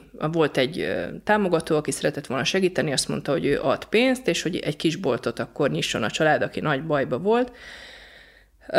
És én voltam pont kint Andréval uh, Kongóba, és mentünk a családhoz beszélni, és az Andrénak ott tolmács szerepe lett volna, de egyértelmű volt, és utána rá is kérdeztem, hogy amit én elmondtam mondjuk egy percbe, azt ő lefordította tíz percbe mert hogy nem szó szerint fordított engem, hanem afrikai gondolkodás módra, példákra, egyebekre átfordította, hogy mi az eget akar itt a fehér ember. Tehát, hogy ez a fordítás az nem csak egy nyelvi fordítást akar, hanem egy kulturális fordítást is, és hogy tök másképp kell Afrika valamit mondani. És ezt valamennyit azt gondolom, hogy én is idomultam Andréhoz már, és tehát tudom, hogy ha megkérdezem tőle, hogy figyelj André, akkor itt van egy probléma, ezt hogy oldjuk meg?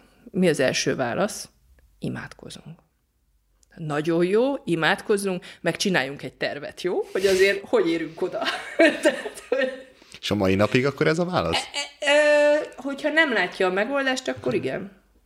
Uh-huh. Akkor imádkozik. Hát az lehet, éjjel-nappal. Ő nagyon mélyen hívő Kongó, és ők tényleg hisznek. Tehát, hogyha Andrét megkérdezed, ő imádkozott segítségért, és a mamakat itt ledobta a jóisten ide Kongóba. És végül is sikerült is? Igen, tehát, tehát hogy... hogy ez működik. Ez működik, engem oda dobott Isten, és, és én segítek neki.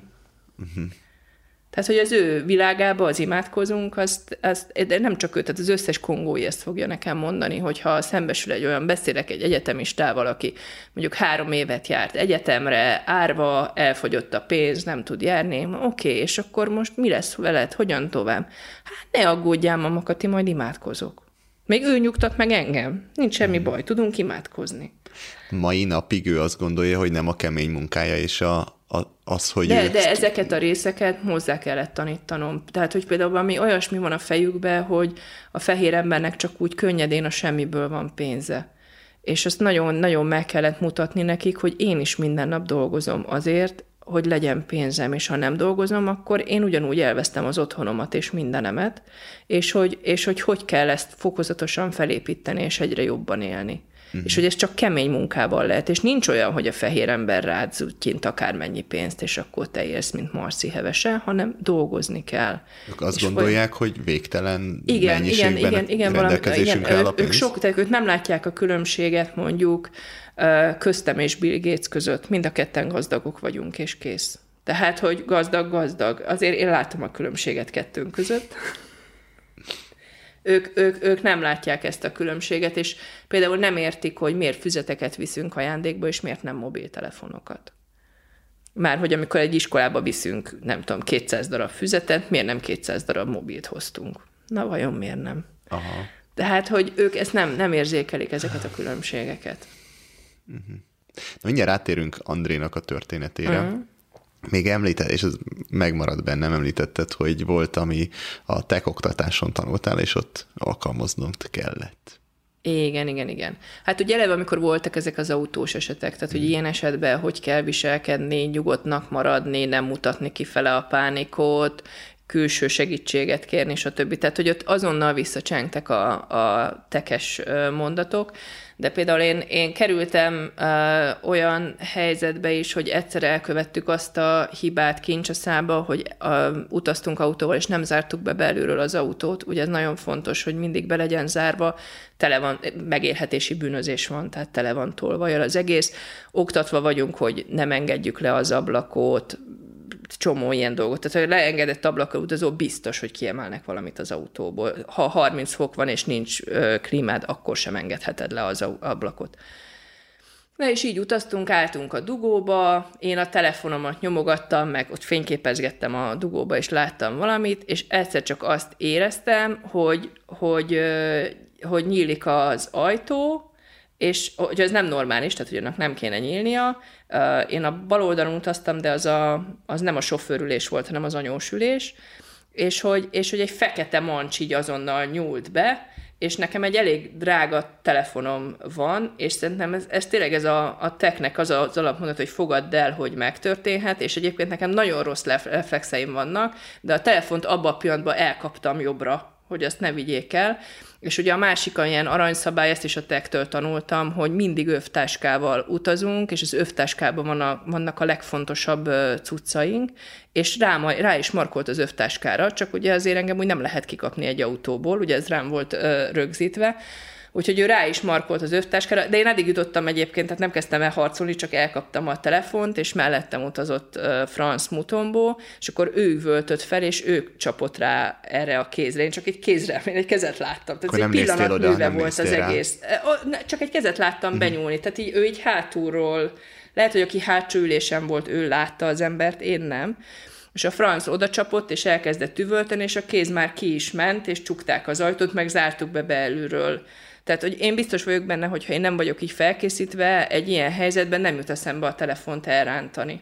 És a legviccesebb az volt, hogy én így elrántottam ugye a telefont, ez a nagy darab pasi jó rám csapott, a franc meg csapott a pasi kezére, tehát engem úgy kicsit úgy megvertek ebbe a történetbe, és ezek után egy ültem sokkosan, és próbáltam visszagondolni, hogy volt-e bármi az ölembe, amit esetleg elvittek. Tehát annyira gyorsan és váratlanul történt, és a franc megszólalt, hogy Kati, megütöttél engem kiraboltak, nagyon vertek, és én ütöttem, és vagyok, hogy elkaptam a, a telefont, és fullgappal megvertem a franszt. Tehát, hogy annyi kontroll, kontroll már nem volt, hogy jól kapja be, mm. hanem csak én így elcsaptam. Hát az... De hogy megúsztam, tehát nem vittek el uh, semmit, és, és tényleg azért a telefonom az nagyon fájt volna, hogyha azt attól meglovosítanak, akkor, akkor voltam balesetbe, tehát sikerült megcsúszni úton, egy ilyen kavicsos úton nagyon csúszkált az autó. Szerintem az volt a szerencse, hogy mivel már csusszantunk előtte, a sofőr lelassított, Két feketével utaztam, és akkor úgy, úgy 30-40-nel zúgtunk bele az árokba, a semmi közepén, és így, így konkrétan még emlékszem, amikor, amikor már egyértelmű volt, hogy az autó kormányozhatatlan, és hogy itt bezúgunk az árokba, azt kell, hogy mondjam, hogy minden nyelven egyformán üvöltünk, hogy A, tehát, hogy ez volt az egyik tapasztalat, hogy tök mindegy volt, az A volt. A másik, hogy akkor még át szaladt rajtam, hogy és itt nincs mentő. Tehát, hogy mi lesz itt? Tehát, hogy belandulok az a zárokba, és valami, tehát hogy az ott úgy végigfutott rajtam, hogy itt nem fognak mentők jönni értünk, meg semmi, hogy úristen mi lesz. Tehát ahhoz képest gyorsan ment? Tehát, hogy hát 30 egy 30-40-nel zugtunk egy, egy ilyen elég nagy árokba bele. Uh-huh. Tehát nem egy ilyen 20 centit lementek kicsit. Nem, a... nem, nem, nem, tehát hát, így rendesen oldalt mélyen beállt az autó, de az volt a szerencsénk, hogy egy, az árokba volt ilyen susnyás, és az egész jól felfogta az ütközést, tehát hogy úgy csapottunk egyet, de kett, inkább így ugrott párat az autó, egy párat csapottunk, de hogy úgy megérkeztünk, és akkor megkérdezték tőlem, hogy a két fekete srác, beszéltek két mondat, és utána megkérdezték, hogy, hogy Kati, és te hogy vagy? És én hát megmondtam, hogy egy dolgot tudok válaszolni, hogy jól, mert hogy ezen a nyelven csak ezt tudom válaszolni. Úgyhogy nem mondtam, hogy jól, Jó. mindegy. És valahogy kimásztunk a, az autóból, hogy az eléggé így oldalt át, megnézegettük, hogy egyáltalán működik, nem működik, mi a helyzet. A többiek egy kis busszal már korábban elmentek egyébként ezen a szakaszon, tehát én voltam ott két fekete sráccal, és tényleg a semmi közepén voltunk, tehát hogy mentünk, egy 50-60 kilométert mentünk egy kavicsos úton, és ilyen elszorva volt ilyen két-három fős kunyhócsoportok, tehát még egy nagyobb falu se volt, vagy semmi és bementünk a susnyásba, és öt percen belül öt-hat fekete pasi, én nem tudom, hogy honnan előkerültek, és már mindenki azon dolgozott, hogy kiszabadítsa az autónkat, és, és volt nem tudom, pár technika, amit kipróbáltak, nem jött be, aztán végül kvázi valahogy azért csak kiszedték az árokból az autót, és akkor utána jött az, hogy na de hát itt a fehér, úgyhogy akkor most fizetni kell. Tehát azt látni kellett volna, hogy a két fekete az hogy dugod be engem az autóba, mert ha nekem bajom lesz, akkor nekik az nagy baj, ugye, hogy, hogy nekem bármi problémám lesz. És akkor nekiálltak beszédet tartani, hogy de hát ő humanitárius okokból van itt, és hogy segítsen rajtunk, és ő nem egy gazdag, meg mit tudom én, és hát persze fizetnünk kellett azért így is, és keveselték is. Mennyi, mennyi pénz? Nem emlékszem, hogy mennyit adtunk, de hogy... De hogy Ez ilyen pár száz forint, pár ezer forint? Szerintem itt egy ezrest kaphattak forintba, tehát hmm. ott öten hatan kapták azt az ezer forintot, és hogy így, és akkor így, így és szerencsére működőképes volt az autó, tehát tovább tudtunk ö, vele menni. Hmm. Tehát, hogy ilyenek, tehát, hogy, hogy nem csak azért, mert baleset bárhol lehet, csak erre a pillanatra nagyon emlékszem, amikor átfutott rajtam, hogy, hogy itt nincs mentő. Tehát, hogy... Vagy, hogyha még el is visznek egy kórházba, milyen kórházba visznek téged? Hát Kincsaszába amerikai Vagy kórházba meg lehet ja. fizetni, az létezik, biztos minden biztosításon ráment volna, de hogy... hogy hát vagy tehát, ha, ha téged nem oda visznek, Kongóban hanem... is van egy gazdag réteg, és azt kiszolgálják. Uh-huh. Csak ugye az emberek 70-80 százaléka él mély szegénységbe, és nekik nincs megoldás. Tehát ők, hogyha vakbelük van mondjuk, elsétálnak a kórházba, megállapítják, hogy így ránézésre, hogy igen, vakbeled van, és megkérdezik, hogy van 200 dollárod műtétre, elmondod, hogy nincs, akkor azt mondják, hogy 5 dollárod van, igen, akkor itt van antibiotikum, fájdalomcsillapító, menj haza. És ennyi. És ez antibiotikum, ha szerencséjük van, pár hónapra elnyomja a gyulladást.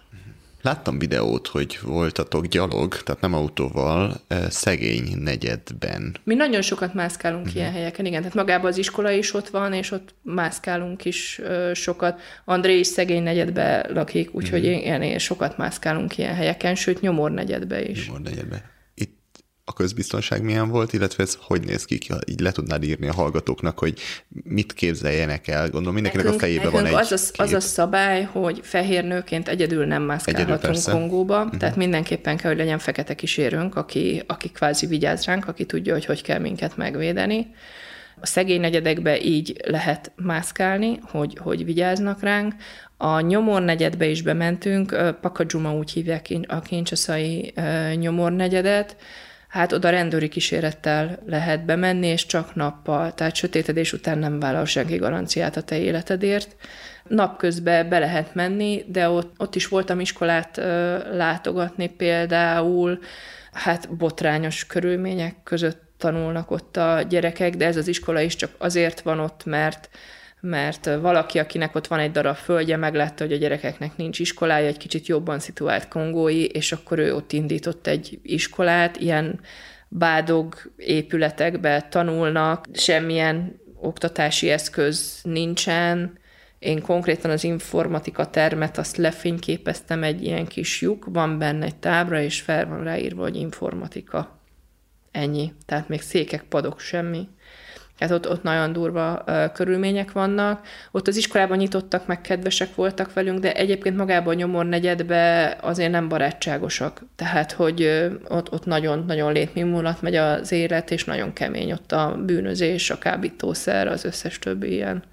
Hogy uh, jártunk ott, mert foglalkoztunk vele, nagyon-nagyon sokan járnak úgy, hogy feljönnek vidékről, mert ugye vidéken se áram, se tévé, se telefon, semmi nincs, és ezek vonzó dolgok, és hisznek abból, hogy majd kincs a szába, ugye az urbanizáció, hogy majd találnak munkát, és nem találnak, és ezekből a nyomornegyedekbe ragadnak nagyon sokan, és nem, nem nagyon tudnak belőle kitörni.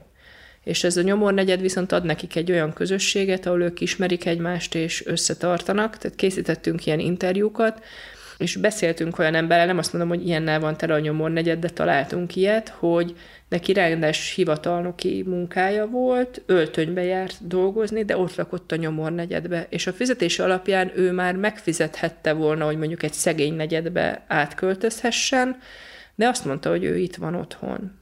Uh-huh. És azért az ott tényleg brutális, tehát egy ilyen, egy ilyen 20 négyzetméteren 8-10 fő lakik, nincsen rendes mosdási lehetőségük, a, a, egy, egy, egy-két helyen van, ahol vizet tudnak, csak vizet vételezni, oda mennek vödrökkel esténként, és ott fürdenek kvázi nyilvánosan, a WC-jük nincsen, tehát hogy a szegény negyedben azért valami WC helység létezik, ha más nem egy a földön, ami körbe van kerítve, ott ez nincsen, tehát olyan szabály van, hogy vödröt használnak, és azt, azt a tetőn kell tartani, hogy az utcán ne legyen olyan nagy bűz. Tehát vannak ilyen iratlan szabályok, amiket be kell tartani, és ők ezt nem tudom, naponta egyszer-kétszer ürítik. Uh-huh. Igen, tehát nagyon-nagyon kemény körülmények között élnek ilyen bádogviskókba, ugye ennek van a, az a problémája is, hogy egészségtelen egyebek, de hogy még rájuk is dőlhet egy nagyobb viharba, vagy, vagy egy, jön egy nagyobb mhm. adag vízanyakukba, ilyen özönvízszerű elmossa a házat velük együtt. Tehát, tehát nagyon-nagyon nehéz és rossz körülmények vannak ott. Láttam olyan képeket, hogy ilyen akár nyomor negyedben, vályokházakban azért a falon ott van a plazma tévé hogy, hogy ilyen... Playstation-jük már van, de még mindig ott élnek a, a nyomorban. Hát nyomornegyedben is most a Pakadzsumában láttam olyat, hogy, hogy ilyen PC-k össze voltak rakva még ez a hagyományos monitorral uh, egy négy-öt darab, és valaki úgymond így játéktermet üzemeltetett, tehát valami, nem tudom, 500 frankért lehetett ott uh, játszani valamennyit, vagy mit tudom én Léteznek, tehát például Andréknak is van már tévéjük, tehát vettek, és akkor használtan 50 dolcsér egy kis lapos tévét sikerült szerezniük, és Kongóban nagyon-nagyon divatos tévét nézni, tehát reggeltől estig megy a tévé. A gazdagabb családoknak a nappaliában kettő tévé van, és mind a kettő megy, és más csatornán, más csatornát néznek. Én, én megőrülök tőle, de hogy, hogy ez ilyen státuszszimbólum a tévé konkrétan Afrikában. Mm. Kicsit olyan, mint nálunk volt a mobil mondjuk 15 éve. Na és a mobillal hogy állnak? Vannak, vannak. Én azt figyeltem meg, hogy főként a nagyvárosban, Kincsaszába úgy minden családba akad már egy mobil. Lehet, hogy nem, tehát nem olyan, mint a miénk, mert ez a, a szerzik őket Kínából, ezek ilyen jóval vacakabb, ócskább mobilok, meg mire hozzájutnak, használtak, egyebek, stb de hogy annyi, hogy ők fönn legyenek mondjuk a Facebookon, mivel a social médiát használni az ingyenes, ugye van ilyen csomag, internet mhm. csomag, uh-huh. ezért azokon már ott lógnak, tehát azokon már fent lógnak. Én nem nagyon látom, hogy még üzletre használnák, meg abból látszik, hogy ők nem lógnak fel egész nap, hogy többeknek van egy telefontot, hogy látszik, hogy na akkor most bejelentkezik, és akkor most ő használja, és aztán egy napra eltűnik, vagy két hétre, hát, mikor egy... legközelebb telefon Aha. közelébe, hogy ezt használja. Tehát van egy fizikai telefon, meg egy SIM-kártya, de mindenki ugyanazt használja, és adogatják Igen, meg körbe. onnan látszik, hogy videókat nem nézik meg, mert az fizetős lenne. Tehát, hogy az internetet ott már fizetni kéne. Tehát, hmm. hogy, hogy, hogy azok a videókat sose nézik meg például. És mire használják? Mit látsz? Ahogy én látom, leginkább social médiára, annak, aki tanultabb, hát, ő, ő nagyon használja. Rengeteg fényképet tolnak, most már ezt nagyon élvezik, hogy, hogy ezt tudják csinálni. Kommentelgetnek egymásnak, terjesztenek információkat, sokszor hülyeséget, de hogy, hogy, hogy, hogy nagyon, tehát használják. Kicsit másképp használják, mint mi, más kultúra, más stílusba, de hogy használják és ismerik és nyomkodják. Mondjuk ez sem nagyon segít abban, hogy a fehéreket hogyan ítéljék meg, hiszen ugye mi is mindig a legjobb oldalunkat mutatjuk, hogy felrakni az új autót, új telefont, így, ezt csináljuk, igen, azt csináljuk, igen. és nyilván akkor ezt látják, akkor azt gondolják, hogy nekünk tényleg az egész életünk Én nagyon egy... sokáig próbáltam megmagyarázni Kongóba Andrénak, meg más gyerekeknek is, akikvel szorosabb kapcsolatom van, hogy azt próbálják megérteni, hogy én nem vagyok gazdag. Tehát, hogy én egy középréteg vagyok, és hogy igen, van hol laknom, meg van munkám, van autóm, de hogy én nem vagyok gazdag, nem De erre ő azt mondja, pár... hogy az ő szemében mégis gazdag igen, vagy. Igen, mondták, hogy mindig úgy rám hagyták, és akkor egyszer mondták, hogy milyen, milyen, nekem milyen az otthonom, fotózzam le, és én egyek lakom egy kis családi házba, sorház, semmi extra, tényleg egy nagyon átlagos, és elküldtem nekik a képet, és az jött vissza, hogy tudtuk, hogy gazdag vagy. Tehát, hogy így rájöttem, hogy ezt, ezt sosem fogják az én szememben látni, én gazdag vagyok, pont. Tehát... Hát, de most én is azt mondom, hogy az ő szemükből nézve, nyilván, tehát, hogy bárki, uh-huh. mindenki Igen, igen, igen. Tehát, tehát, nem, tehát ez, ez, amit, hogy nem értik a különbséget köztem meg Bill Gates között. Tehát, hogy uh-huh. informatika, informatika, nem? Igen, igen. De mesélj egy kicsit Andréról, az első találkozásról. Hát első találkozásunk, ugye akkor én Humturba voltam kint, és ő oda jött a szállásunkra estre, ez meg volt beszélve, hogy ő jönni fog, és mm, hát nagyon vártam, nagyon izgatott voltam, szerintem ő is, és ő ugye addigra már miután, hogy ő késve kezdett egyetemet, meg minden egyebet, ő addigra harmadéves egyetemista volt, és 26 éves. Tehát egy kicsit arra készültem, hogy inkább egy, egy fiatal férfival fogok már találkozni, és hát borzasztóan fiatal volt, tehát hogy, hogy engem először is meg, igen, engem borzasztóan megdöbbentett ez, és az még hozzá tartozik, hogy ugye mi akkor már Messengeren beszélgettünk egy, egy ideje, és én szerettem volna elkerülni azt a sztereotípiát, hogy a fekete afrikai fiú úgy érezze, hogy neki bármit is tennie kell az én segítségemért cserébe, amit esetleg idősebb hölgyek szoktak kérni. Mit szoktak kérni? Fiatalabb fiúktól hát szexuális szolgáltatásokat, szerelmet, egyebeket, és ezért én, én, én megfogalmaztam felé, hogy én fiamként tekintek rá, és én nem, nem szeretnék semmit cserébe, én csak önzetlenül segíteni szeretnék. Ezt így megfogalmaztuk, és ennek ő is örült, azt mondta, hogy jó, örül, hogy van egy fehér anyukája, ez így oké. Okay. És ugye azért ezen a találkozáson nagyon sok múlt, és én tényleg egy gyereket láttam, és nem, ez, ez így szerintem nagyon jól jött ki és ott jó pár órát tudtunk beszélgetni, szerintem nagyon, tehát André nagyon beszédes, nagyon könnyen beszél, jól beszél angolul, úgyhogy nagyon könnyen ment a kommunikáció, vittem a családnak egy ajándékokat, egyebeket, amiket átadtam, és, és megbeszéltük előre, mert hogy én Andrénak szerettem volna egy tabletet vinni ajándékba, de aztán belegondoltam, hogy én nem tudok semmit Kongóról, lehet, hogy inkább megkérdezem, hogy mire van szüksége, és ezt meg is tettem, és akkor mondta, hogy ő nagyon köszön, hogy én szeretnék ajándékot adni, de hogy ő neki munka kell, és nem ajándék. És ez, itt, itt erről még, még elindultunk volna, én hetekig próbáltam megérteni, akkor szembesültem vele igazából, hogy ő mennyire mély szegénységben él. Addig nekem ő, tehát mi úgy beszélgettünk majd évig, hogy ő soha nem panaszkodott, soha nem mondta nekem ezeket a problémákat, és amikor konkrétan belekérdeztem, akkor kezdte el mondani, és én akkor szembesültem vele, hogy Andrénak rendszeresen négy-öt napig nincs mit ennie. Úgy jár be az egyetemre ilyenkor, hogy cukros vizet visz magával, hogy tudjon figyelni, és ne ájuljon az órákon.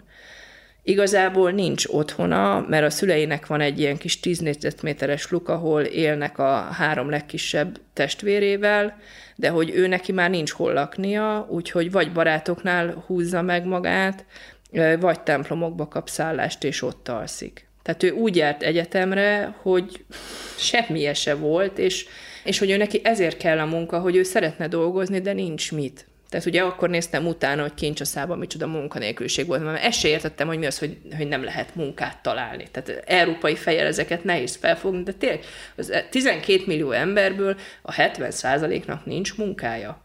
Tehát, hogy nincs munka lehetőség, nem, nem olyan, mint nálunk. És akkor hogy adjak én neked munkát? Tehát ezt se értettem, és akkor elküldte, hogy milyen ilyen kis boltok vannak Kongóban, ugye mindenki ügyeskedik, vállalkozik, és az utcán nyitnak ilyen kis boltokat. Az egyik az, mit tudom én, pipereszereket árul, mert azt tud olcsón szerezni, a másik üdítőket, a harmadik autógumit, és így tovább, és így tovább. Ez már az ő ötlete volt. Igen, és hogy ők nagyon szeretnének fagyasztott húst árulni. Tehát ilyen nagyon konkrétan megvolt, hogy mit szeretnének. Ez honnan, mond... honnan jött neki ez az ötlet? Hogy... Én utólag már tudom, hogy ez nagyon menő biznisznek számított a szegény negyedekbe. Én ezt akkor nem tudtam. Tehát ő nem számolgatott, nem csinált? De, de nem, mert én kérdeztem, hogy, hogy mennyi pénzre van szüksége, és akkor ő le is vezette nekem, hogy neki kéne ezer dollár. És hát én nem ismertem őt, és mondtam, hogy nekem nincs erre ezer dollárom, hát azért haló hát akkor mennyit van? És akkor mondtam, hogy figyelj, én adok neked 300 dollárt, mi lenne, ha nem húsboltot nyitnál, mert hogy meg kell fizetni a mélyhűtőt, meg ezeket, hanem áruljál narancsot, és akkor nem kell hűtő. Tehát, hogy így valahogy így láttam ezt a kérdést. És 300 dollárral indultam ki, és aztán a, ugye a többiek, a túratársaim is megismerték Andrét, és még ők dobtak össze mellé 100 dollárt, és így tudtam 400 dollárt adni boltnyitásra Andrénak. De meg, hogy mondjam, azután, hogy megismertem, tehát amikor ő odajött hozzám, hogy találkozzunk, akkor éppen négy napja nem evett. Tehát az volt a szerencsé, hogy a missziós szálláson ö, tudtunk neki is vacsorát kérni, tehát legalább meg tudtuk etetni. Tehát, hogy így, így fehér emberként ez, hogy ott áll veled szembe egy srác, aki négy napja nem evett, tehát, hogy így kész. És, és oda, oda is adtam neki a, a pénzt, és még az volt, hogy a, mondta, hogy felhívjuk az anyukáját telefonon, mert az anyukája nagyon szeretne beszélni velem, nyilván ő tolmácsolt, és hát ő nagyon megköszönte, hogy segítek a fiának, meg stb., és hogy nagyon-nagyon nem hagytak, ő annyira szeretnének látni, és stb., és én tudtam, hogy a Humtournak meg egy nagyon feszített programja van, és egy darabig úgy húzóckodtam, hogy nem tudom, hogy belefére, stb., és mondtam, hogy jó, megpróbálom, hogy elmehessek hozzájuk.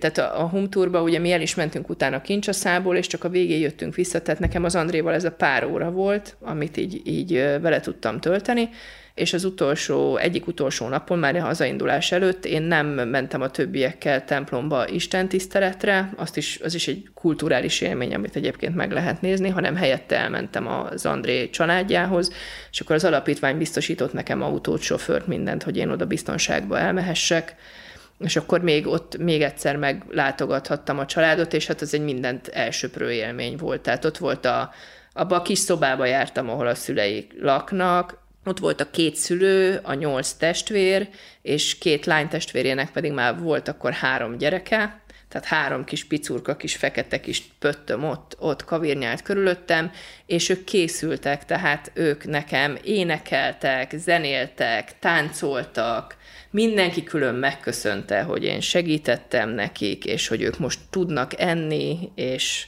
tehát, hogy ez így nagyon-nagyon-nagyon nagy ö, dolog volt nekik, és én én nem nagyon hittem egyébként, hogy ebből a kisboltból lesz bármi is, hogy ilyen jóval kevesebb pénzt tudtunk vinni, de akkor addigra már té- eleve így mentem ki, de akkor már tényleg az volt bennem, hogyha csak pár hónapig tudnak enni, akkor is megérte. Tehát, hogy, hogy ez, hogy, hogyha nem lesz belőle semmi, ak- akkor is legalább pár hónapig nem éheznek, és már ez is, ez is talán valami. Úgyhogy nagyon nagy szeretetben váltunk el, és addigra tényleg én úgy voltam vele, nekem Andréval egy nagyon-nagyon mély kötődésem van, hogy én tényleg az afrikai filmként tekintek rá, illetve a családja az afrikai családom, és, és egyébként vannak más afrikai gyerekek, akikkel tényleg jó viszonyt ápolok, tehát hetente többször beszélek velük messengeren, stb.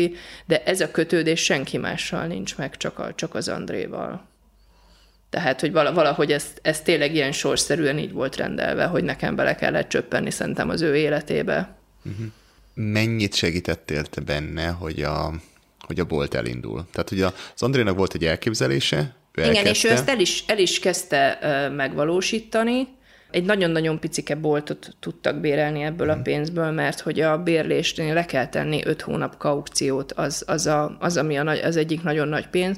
A másik pedig a mélyhűtő megvétele, de ott meg azt csinálta, hogy nem vett, hanem bérelt. Uh-huh. Összvisz, azt hiszem három termékkel nyitották meg a boltot, tehát hogy nem tudtak több terméket már beszerezni, nem maradt rá pénz, de megnyílt a, a kisbolt, és az volt a nagy meglepetés, hogy küldte róla nekem a fényképet, és hát ezt a boltot rólam nevezte el, és Katalin boltnak hívják, ami hát engem borzasztóan meghatott, és hát van Katalin bolt kincsaszába, és aztán még segítettünk, mert én láttam, tehát akkor már sokkal jobban értettem Kongót, a pénzeket, egyebeket, és akkor én összeraktam egy üzleti tervet, hogy mi kell ahhoz, hogy egy kicsit jobban talpra álljanak, és akkor még adtunk pénzt, többen segítettek magyarok, és kiküldtünk még 500 dollárt nekik, ami, ami segített nekik az első boltot stabilizálni. Szerintem, ha azt nem tesszük meg, akkor az ott beborul. Uh-huh.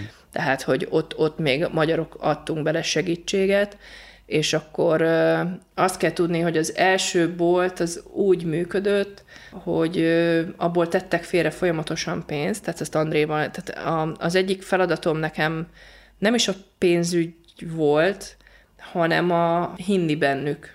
Tehát az olyan embereknek, akik soha életükben semmi nem sikerült, és mindig nyomorogtak, az egyik legnagyobb dolog, amit adhatsz, az a hit. Hogy én hiszek benned, és ezt te meg tudod csinálni, és itt vagyok veled, és együtt vagyunk, és ezt mi most végig toljuk. Tehát én napi szinten beszéltem velük tényleg, és az egész biznisz segítettem nekik tolni, és segítettem az elakadásoknál, de ez egyfajta mentorálás, de ennek, ennek az 50% a volt az, hogy, hogy én itt vagyok, és hiszek bennetek. Tehát, hogy erre van nagyon nagy szükség szerintem. Tehát, ha csak odaadom a pénzt, és én onnan elfordulok, én szerintem az Abba elveszik. semmi nincsen. Ugye el, szépen fokozatosan spóroltunk, és egy év alatt összeraktak annyi pénzt, hogy egy évvel később megnyílt a második Katalin bolt. Tehát, hogy az, franchise.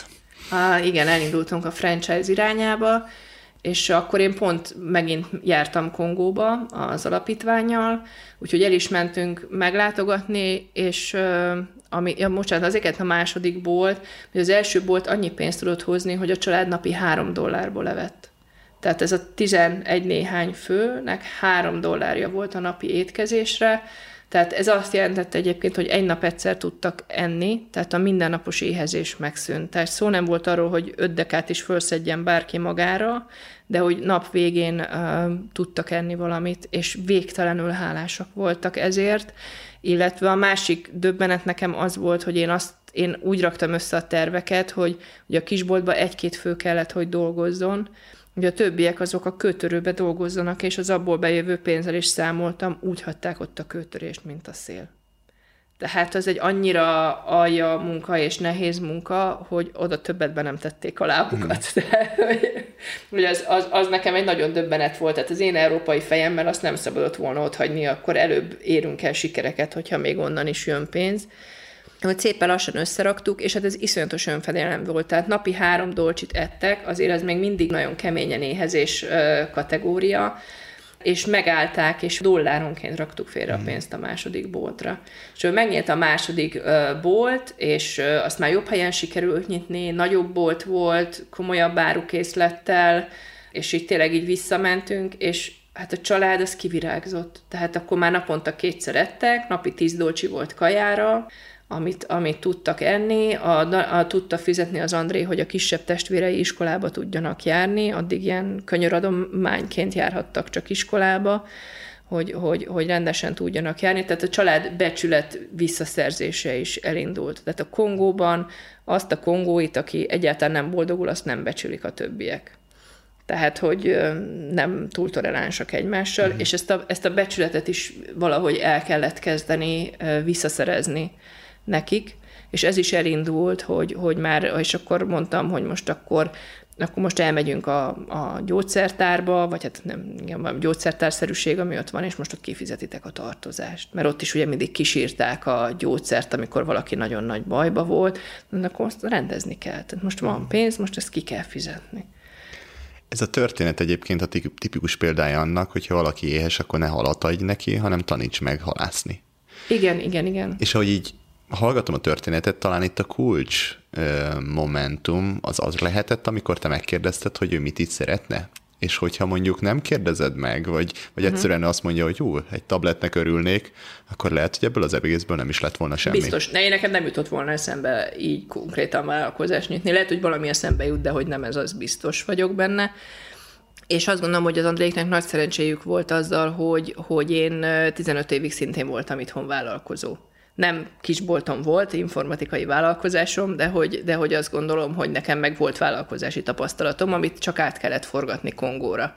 Tehát most már borzasztó nagy rutinom van benne, hogy milyen papírok kellenek, hol kell beszerezni, hol mennyiért lehet beszerezni, tehát ugyanazt a papírt különböző helyeken más összegért szerzett be, ugye Magyarországon ilyen nincs illeték, az viszontlátás, mikor mennyi adót kell fizetni. Fejből meg tudom neked mondani, attól függően, milyen típusú kisboltot akarsz nyitni, hogy az mennyibe kerül.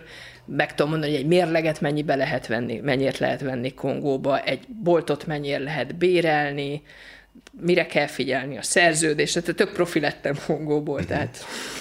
Na és ezzel a tudással, hogy ha megvan ez a tudásod, akkor könnyen tudsz segíteni más családoknak is, és itt akkor kérdésem az, hogy mi a következő terv, hogy ezt hogyan lehet mégis kihasználni? Hát ez lépett tovább, tehát jelentkezett uh, támogató, aki ugye szeretett volna ilyen hasonlóan, mm. vagy ez elterjedt ez a, és akkor na, én is akarok ilyet csinálni az én, segíteni az én támogatottamnak, ami nagyon klassz. Tehát más támogató, aki szeretne más pénzt adni egy családnak. Igen, mm-hmm. és akkor azt pedig úgy raktuk össze azt a projektet, hogy hogy én nem direktbe irányítottam a családot, hanem az André vállalta önkéntesként, hogy foglalkozik a családdal, és én csak az Andrét irányítottam. Tehát, hogy ez, ez, ez így volt összerakva, és akkor ott, ott nagyon szépen összeraktuk azt, hogy, hogy akkor mit szeretne a család, mi fér bele, milyen bolt lehet, mennyi pénzt akar adni a támogató, ugye azt is figyelembe kellett venni, és akkor egy kicsit úgymond kócsolni kellett a családot megint, hogy ugye akkor hogy kell üzletet vezetni, mire kell figyelni, hogy kell félretenni a pénzt. Tehát tudom, hogy extrémül hangzik, de hogy oda kell figyelni, hogy ami a készletvásárlásra kell pénz, azt ne költsd el ma, mert akkor holnap nem tudsz készletet venni. Tehát, hogy ilyen alapvető dolgokat is érdemes minden ilyet elmondani nekik. És akkor a, a támogató az kiment az alapítványa a Kongóba, előkészítettünk Andréval mindent, és a, amikor a támogató ott volt, konkrétan akkor lett megnyitva az üzlet, tehát a támogató az, az ment, nem csak fizette a pénzt, hanem ott volt, találkozott a családdal, ment velük, intézte a dolgokat, festette a, a boltot, tehát, hogy igazi részese volt ennek a, az egész történetnek, és az is egy ilyen kis sikeres uh, kisbolt lett, tehát most már egy emi biznisz is van Kongóba. Jó. És akkor én igazon igyekeztem, hogy az alapítvány embereinek ezt a tudást átadjam, mert egyébként korábban volt ilyen jellegű törekvések voltak, csak nem voltak sikeresek. Tehát ez nem én vagyok az első, aki kitalálta, mm. hogy hálót kell adni, és nem halat. Én azt hiszem, hogy ott két kulcs dolog van. Az egyik, hogy ezt tudom javasolni, hogy kérdezzük meg, hogy mit akar valaki a világ másik felén, és ne akarjunk okosabbak lenni, mert nem, ne, tényleg nem tudhatjuk. és, és a, a másik nagyon fontos pedig, hogy nem elengedni a kezüket. Tehát, hogy, hogy mert hogy ez, ha, ha odaadtad volna ezt a pénzt és elengeded, akkor ebből szintén semmi nincsen. Igen. Az a pénz már sehol nincsen, az a, az a család nem lép egyről a kettőre. Igen. És akkor még ezt a történetet még hozzátenném, hogy, hogy aztán jött a Covid, ami Kongót is nagyon durván sújtotta, és őt nem annyira, igazából a trópusokon nem terjedt a Covid, de halára voltunk rémülve, hogy mi lesz. Kongóban, az országban van négy lélegeztetőgép, tehát hogy mi lesz velük a Covid-ba, miközben azért itthon is aggódtunk az elején, hogy úristen, mi ez. És ott viszont hoztak ilyen gazdasági lezárási döntéseket, amitől a nagy piacokat lezárták, felment ugye a beszerzési ár, és az emberek ugye nem tudtak dolgozni, járni, elgond, nagyon gyorsan elfogy a pénz. Ugye nincsenek olyan tartalék, mint nálunk, egy-két napra elég a pénz, ha nem tudok dolgozni, járni, akkor kész kakuk. Tehát ott a maradj otthon, az a hajjál éhen és hát a kisboltokat is, a két kisboltot is ez elkezdte megviselni. Az elején még az Andrék azt csinálták, hogy kisebb áréssel mentek, tehát ők azt mondták, hogy nem emelnek árat, és még ugye egész jól forgott a bolt, csak kisebb volt ugye a profitjuk belőle, de aztán tényleg elfogyott a pénz, és akkor már ez sem működött, és akkor már ott tartottunk, hogy már csak 5 dollár éreznek naponta, és egyre nehezebb kifizetni a bérleti díjakat, stb. És közben mi lelkesen gyűjtöttünk a harmadik boltra, ugye a második bolt után egy nagyon jó időszak volt, és ott már pénzfele meg volt, tehát azt már összerakta a család, és elkezdték a tartalékot felélni. És akkor én mondtam, hogy na itt álljunk meg, nem tudjuk, hogy a Covid meddig, hogyan, semmit, tehát hogy ott, ott azért ez egy borzasztó nagy bizonytalansági tényező volt, és azt mondtam az Andrénak, hogy viszont akkor előre menekülünk, és ott, ott kaptak még egyszer pénzt, tehát én adtam ott akkor 500 dollárt nekik, hogy a harmadik boltot ö, meg tudják nyitni. És a másik nagy baja a családnak az volt, hogy ugye Covid volt, és ők szanaszét voltak, templomokba laktak, itt ott, ott, tehát hogy nem volt együtt a család ebben a nehéz időkben, és ö, erről beszélgettem Andréval, mondta, hogy most így nagyon nehezen él, együtt szeretnének lenni, és nem tudnak, és távol vannak, és nem tudja, hogy hogy segíteni anyukájának, stb. Tehát, hogy ilyenekről beszélgettünk, és akkor nem tudom, hogy pontosan már hogy jutottunk el a kérdésig, ő mindig mondta nekem, hogy ő templomba alszik, és beszélt az ágyáról, a bed, az ágy. Én sose jártam ott, ahol ő alszik, nekem fehérnőként nem illik ilyen helyre menni, tehát hogy én egyáltalán nem jártam ott soha, és akkor valahogy úgy eszembe jutott éjszaka megkérdezni, hogy de hát milyen ágyban alszol te? És lefotózta, és elküldte, és én ott akkor szembesültem vele, hogy az én fiam egy kartonpapíron alszik, és én sose kérdeztem ezt meg akkor már legalább két éve napi szinten cseteltünk Messengeren, de én sose, én azt tanultam, hogy nekem nem illik férfinak semmi ilyen jellegű kérdést feltenni, mert félreérthetik, stb. Nem mehetünk be a férfi szobájába, és e, e, ugye egy kultúra miatt nem érdeklődtem, és ezt így megláttam, azt a kartonpapírt, ami le van takarva egy lepedővel, és hogy azon alszik az André, és ez nekem egy ilyen sok volt. Tehát, hogy azt éreztem, hogy az a két év segítség, meg minden, amit beletettem, mintha az nem is létezne. Tehát, hogy egy ilyen, és lefényképezte azt is, hogy ő itt, ja igen, mert magyaráztam neki, hogy maradj otthon, és mondta, hogy de ő itt alszik, és lefényképezett egy ilyen asztalkát, egy mondjuk ilyen egy méterszer egy méteres asztalkát, aminek a a háromnegyed részén valami olajos mocskos cuccok voltak, és volt egy ilyen kis sarok, és ott voltak az Andrénak a jegyzetei, és ott írta a diplomamunkáját. És ez így, tehát ez így egy éjszaka így bejöttek ezek a képek, és én sokkot kaptam. Tehát, hogy én ezt, ezeket én így nem kérdeztem meg tőle, és nem tudom, hogy nem, nem, nem gondoltam bele szerintem, hogy, hogy mi az, hogy ágy, vagy, vagy bármi. És ott kiborultam, és éjszaka ezt kiírtam magamból, hogy én azt mondom neki, hogy maradjon otthon, és ő ilyen körülmények között lakik, és akkor már nagyon sokan követték is egyébként az André sztorit, és elmentem aludni. És reggel, mire felkeltem, így tele voltam messengerem emberektől, üzenettel, akiket nem ismertem, hogy ők segíteni szeretnének Andrénak. És így tehát nem, nem kértem pénzt, meg semmi, nem Csak szerettem volna. Magadból. Igen, és hogy fantasztikusan reagáltak rá a magyar emberek, és akkor írtam az alapítvány vezetőnek, hogy most akkor én mit csináljak. Tehát itt nekem vadidegen emberek akarnak pénzt adni, és, hogy, és mondta, hogy ezt már elgurítottad, Kati, ez egy olyan poszt lett, hogy ezt nem lehet megállítani, hát akkor segítsünk Andréjéknak. És akkor Igazából én matracra szerettem volna pénzt, hogy legalább egy matracot venni, hogy ő azon aludjon, de hogy összejött annyi pénz, hogy kapott a család két matracot, ami mondjuk azért tíz főnek nem olyan sok, de ők két matracon hatan heten elbírtak aludni, és, és az, hogy a, a lakás problémát pedig tudtuk orvosolni, hogy egy, egy, egy olyan kis házikót tudtunk bérelni, aminek volt egy, egy ilyen 20 négyzetméteres szobája, meg két kis pici lyuk 10 négyzetméteres, és ott Kongóban tíz ember elfér, és így lett otthonuk. Uh-huh. És, és ott a Covid-ban hirtelen össze tudtak költözni, és, és akkor meg megnyitottuk a harmadik boltot, azt meg ugye az én segítségemmel, és igazából ott azért rosszul mentek a dolgok, tehát a három bolt nem hozott annyit, mint előtte a kettő, de hogy mégiscsak talpon bírtak a háromból maradni, úgyhogy, úgyhogy a túlélésre jó volt. Ami a nehézség volt, hogy ott pont 2020-ban, amikor a Covid elkezdődött, ott kellett volna az Andrénak diplomázni nyáron, de bezártak az egyetemek. Tehát ugye nem volt online oktatás, mint nálunk, hanem akkor bezártunk azt viszont. Toljuk az egészet, Igen. gondolom. És akkor ott, ott, az, ott az is tolódott, ugye ezzel is baj volt, mert továbbra is a, tehát az, az egyetem olyan, hogy heti hat napot bent kell lenni reggeltől estig, tehát nem olyan, mint nálunk. Jelenléti oktatás van, tehát kötelezően be kell járni a gyerekeknek.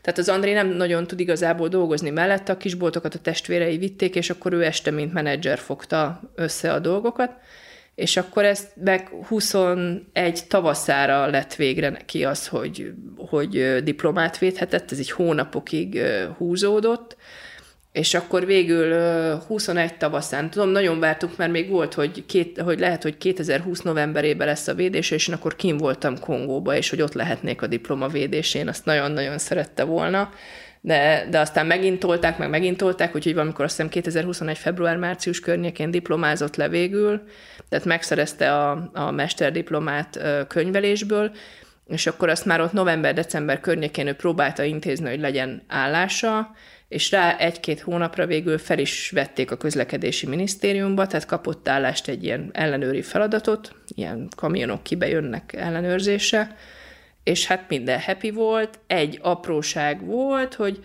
de azt de mint megtudtam, ezt Kongóban normális, hogy az első három hónapban ő nem kap fizetést. Tehát a próbaidő úgymond az ingyenes amitől nekem a hajam égnek át, mert hogy én már számoltam azzal, hogy ő kapja a fizetését, és akkor azzal, hogy fogjuk a boltokat tovább építeni, és ehhez képest fizethetem az úti költségét, meg mindent a boltok pénzéből, mert nem kap fizetést. Tehát, hogy... Neki az egy kongóinak munkát kapni egy állami intézménynél, ezt jól gondolom, hogy ez egy hatalmas dolog? Igen, igen, ez, ez nagy dolog, és amit én akkor ezzel részével nem voltam tisztában, és azóta kerültem tisztába vele, hogy a diplomásoknak még van esélyük, hogyha minisztériumban vagy ilyen helyen kormányzatban dolgoznak, hogy előbb-utóbb kapnak fizetést, de aki mondjuk csak egy érettségével, az lehet, hogy tíz évig dolgozik fizetés nélkül. Nincs fizetés. Hát akkor miért dolgozik? Hát egyszer majd biztos lesz. Hogy biztos majd kap. Uh-huh. Uh-huh. És hát ez, ez sajnos így történt Andréval is, tehát André most 8-9 hónapja dolgozik a minisztériumban, és fizetést még nem látott. Még tehát az elején arról, tehát szerződése volt róla, hogy három hónap után kap fizetést, és nem kapott, úgyhogy, úgyhogy most így álláskeresésben vagyunk. Én is próbálok neki ebbe segíteni, hogy valami nemzetközi céghez esetleg elhelyezkedni. Abba bízok, hogy egy nemzetközi cég, egy multi már csak ad már fizetést, az nem teheti meg, hogy nem Kongó ide vagy oda csak most, tehát hogyha nem kapsz fizetést, akkor másnap miért nem mész, vagy miért mész be meg? Hát ez és hogy, most... hogy nem dölt össze az egész állami infrastruktúra, hogy hát gondolom, a tanárok se kapnak fizetést, hát stb. Ott... Tehát, hogy ez ilyen Kongóba ez ilyen, tehát nekünk döbbenetes, én, én teljesen kész vagyok tőle, de hogy ott ezt valahogy így normálisnak tekintik. Vagy, vagy hogy mindenki azáltal, hogy mindenkinek van egy munkája, azáltal kiskapukat kap, hogy honnan tud pluszban fizetést hát szerezni, tudom, mint hogy a tanár nem például. a kis kapukat, úgyhogy nem tudom. Aha, mert hogy mondjuk mondtad a tan- tanárok az egyetemi tanár az drágán pénzt, adja a jegyzetet, jegyzetek, igen. És akkor ő, ne, ő azért dolgozik, hogy legyen ez a kis kiskapu, amivel tud magának Azért néha kapnak egyébként ők fizetést, de André még nem. És, és most ma, ma is ott dolgozik? Tehát a még napig? mindig ott van a minisztériumban, most már csak részidőben, tehát négy órában dolgozik, azt mondta pont legutóbb, amikor beszéltem bele, és hogy borzasztó motiválatlan. Hát, tehát, nem hogy, csodálom. Persze. Tehát, hogy, hogy ez nem, nem járható út, úgyhogy, úgyhogy keressük az utat, hogy, hogy hogyan tudunk neki valami, valami fizetős munkát. Tehát bármit hajlandó elvégezni, amiért fizetnek. A minisztérium azt mondja, hogy azért nincsen pénz, mert hogy Covid van, tehát hogy a hát, gazdasági... Hát büdzsé, hát be, nem vagy betervezve, André, majd bekerülsz a jövő évi büdzsébe, és akkor lesz. Ha, és azért csinálják, mert hogy megy a Duma, és akkor legalább a jövő évbe kapok fizetést. Hát ezt nem tudom megmondani, hogy ők miért csinálják, de hogy ezt Kongóba egyébként mondom normálisnak tekintik. Tehát, hogy én beszélgettem másokkal is, és mondják, hogy igen, ismernek embereket, akik tíz éve így dolgoznak minisztériumban, hogy igazából nincs fizetésük. De én jártam olyan helyen, hogy a kórháznál az orvosok azért sztrájkoltak, hogy legalább annyi pénzt kapjanak, hogy a bejárásukat ki tudják fizetni. Tehát az orvos sem kap pénzt rendesen. Tehát, hogy nincs, nincs pénz. Úgyhogy úgy nézett ki 2021 tavaszán, megvan a diploma, megvan a munka, sikersztori, három Katalin volt, működik, minden frankó, minden rendben van, de hát ez Kongó, tehát Kongó iszonyat kiszámíthatatlan, instabil és minden egyéb. Én részemről elégedettel hátradőltem, tehát úgy voltam vele, hogy André 28 éves, mindene megvan, innétől kezdve most már... az életre. Igen, most már tessék boldogulni, és rá pár hónapra beütött a krak. Kincsaszából elég bizonytalan az áramellátás, és ugye a Katalin boltok azok mélyhűtött árut árulnak. Van is mindegyik bolthoz egyébként ilyen kis generátor, tehát hogyha egy fél napot nincs áram, akkor generátorról ők tudnak áramot biztosítani, de ezek kis generátorok, tehát nem nagy teljesítményűek. És hát az történt, hogy megint elment az áram, és ezt ne úgy képzeld el, mint nálunk, hogy kiírják, hogy tájékoztatjuk a kedves lakókat, hogy 22-én 9-től délig nincs áram, hanem elmegy az áram, és akkor imádkozunk, Aztán hogy visszajöjjön. Valahol. Igen, tehát, na és ez két hétig nem jött vissza. És rosszul is kezelték a helyzetet, tehát, hogy nem, nem kaptak időbe, észbe, nyilván sok mindent lehetett volna csinálni, gyorsan kiárusítani az árut, stb. stb. Tehát hibát hibára halmaztak ráadásul, és bizony rájuk rohadt az áru és azért nekik annyi tartalék sose volt a boltban, hogy csak úgy pikpakú járókészlet egyebek, illetve ott az egyik részen, ahol két bolt is volt, teljesen instabilá vált onnantól az áramellátás, mit tudom én, mi történt kincsaszába, Úgyhogy ezt a két boltot azt ott is hagyták, mert hogy nem tudtak vele mit kezdeni, és viszont André ezt érezte, hogy ez gáz, és nekem hetekig nem merte elmondani. És szerintem, hogyha időbe szól, nagyon sok mindent tehettünk volna, hogy csökkentsük a veszteséget, nagyon későn szóltak, addigra az utolsó bolt is bajba került, mert hogy egy bolt nem tudja eltartani a családot, és ugye fizetni kell az otthonukat, ahol laknak, legalább egy, egy kis boltnak a bérleti díját, fizetni kell meg annak az árukészletét, adótartozás volt, ugye nem, mert megint nem számítottunk rá, hogy adót kell fizetni. De most adódik a kérdés, hogy miért fizessek adót, hogyha azt nem forgatják vissza és nem kapsz fizetést, akkor miért fizessek adót? Persze, tehát hogy itt nagyon, nagyon sok minden, sok minden összefügg, és, és hát a család mélypontra került. Ugye Andrénak továbbra se volt fizetése, egyébként ez pont úgy volt, hogy akkor, akkoriban vártuk, hogy letelik a három hónap, és lesz fizetése, és akkor azt abba bíztam, hogy az árukészletet a fizetéséből tudjuk pótolni. Hát fizetés nem jött. Közben édesanyja nagyon beteg lett, ez is nagyon sokba kerül. Az a kis kevés tartalékuk, ami volt, azt az anyukája betegsége elvitte. Úgyhogy ott álltak nullán, az, az, egy, az egy ami megmaradt, ez a kettes számú volt egyébként, ott is alig-alig volt áru, tehát hogy gyakorlatilag nem, nem bírták üzemeltetni.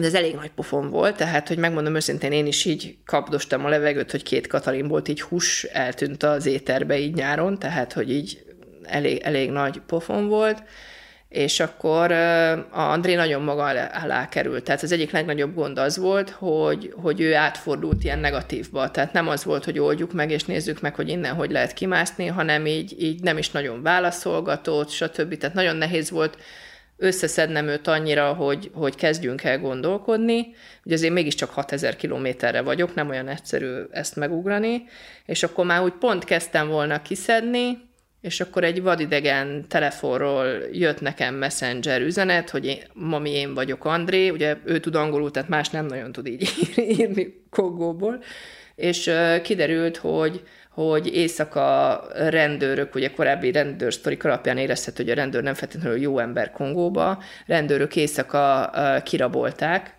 és elvitték a telefonját, meg a tabletjét hozzá, tehát mind a kettő tőlem volt, tehát amikor mentem ki, akkor ugye ajándékból csak megkapta azt a tabletet, amit eredetileg akartam adni.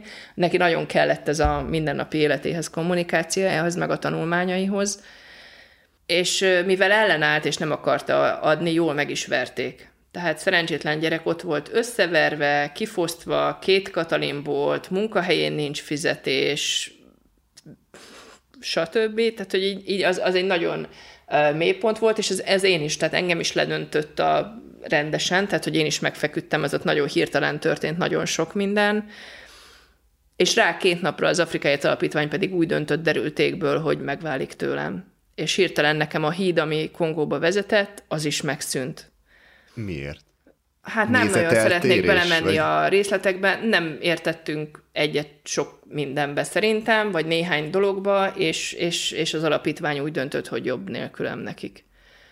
Úgyhogy, úgyhogy én meg hirtelen kikerültem az alapítvány köreiből, és, és ott álltunk, hogy Úr Isten, most akkor mi van? És hát nagyon érdekes volt, mert nagyon megviselt, kaptam egy nagyon nagy pofont, de aztán, hogy ez elterjedt a szakmai körökbe, valami elképesztő méretű szeretet kezdett el áradni felém, és megértés a, az önkéntesektől, az alapítványoktól, Kongóból, tehát Kongóba végképp nem értik a gyerekek, hogy, hogy mi történt, és hova lett a mama Kati. Úgyhogy mire én úgy igazából padlót fogtam volna, így betoltak egy puha szeretett párnát, így nagyon stabilan landoltam, és, és ez erőt adott ahhoz, hogy, hogy megfogjam az Andrét, és elkezdjem őt is összeszedni, és, és megoldani az ő problémáit, hiszen azok nagyon akutak voltak, és ott nem nagyon értem el rá a padlón heverészni. Úgyhogy nekiálltunk rendet rakni, egyrészt az első kisbolt, az egy kisboltot, ami megmaradt, azt rendbe raktuk, hogy tudjon működni, ott kellett generátort javítatni, mert az meg közben tönkrement, az adókat befizettük, árukészletet rendeztük, tehát hogy egy kicsit tudjanak menni. És hát ugye ahhoz, hogy talpra álljanak, ahhoz plusz pénzre volt szükség, és hát André tud angolt tanítani, úgyhogy úgy döntöttünk, hogy az angol tanulás fele, tanítás fele fordulunk. Lett is volna érdeklődő, csak nem volt fizetőképes az érdeklődő, és akkor így töprengtünk, hogy mi legyen, és igazából az egyik barátom adta a megoldást, aki szintén járt Kongóba, hogy azt mondta, hogy ő nagyon örülne, hogy az ő támogatottjai tanulnának angolul, és majd ő fizeti az angol oktatást, az André meg tanítson. Hm. És a támogatottak nagyon örültek ennek, azonnal megragadták a lehetőséget, hogy ők tanulhatnak, és még így mások is beszálltak, tehát kvázi támogatók fizetik az Andrét, hogy ő angol tanárként De oktathasson. Jó. Nagy ötlet. És a gyerekek megtanulnak angolul.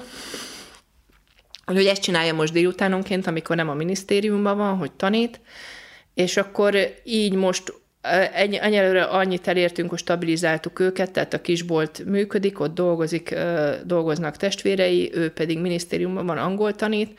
Most leporoltuk az önéletrajzát, azt egy kicsit úgy átírtam, a európaiasabbra hogy, hogy, hogy az angol nyelvűt, és akkor most ezzel próbálkozunk, majd felmegyünk a LinkedInre, meg, meg akik vannak nemzetközi szervezetek, akik itthon is vannak, meg Kongóban is, ők is ígértek segítséget, hogy az André szívét a magyarok eljuttatják a kongóiakhoz, hogy ennek a fiúnak segítség kell, és hát ha valahol valaki azt mondja, hogy oké, okay, én felveszem.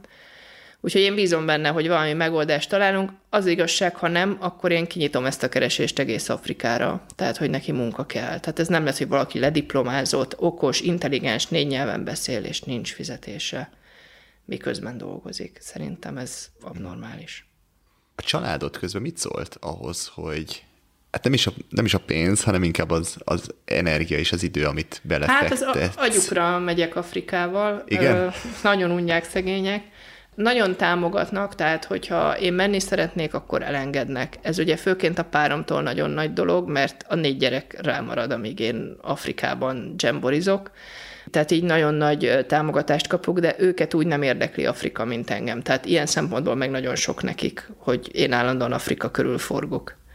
De hogy tolerálják egyébként, úgyhogy nagyon aranyosak.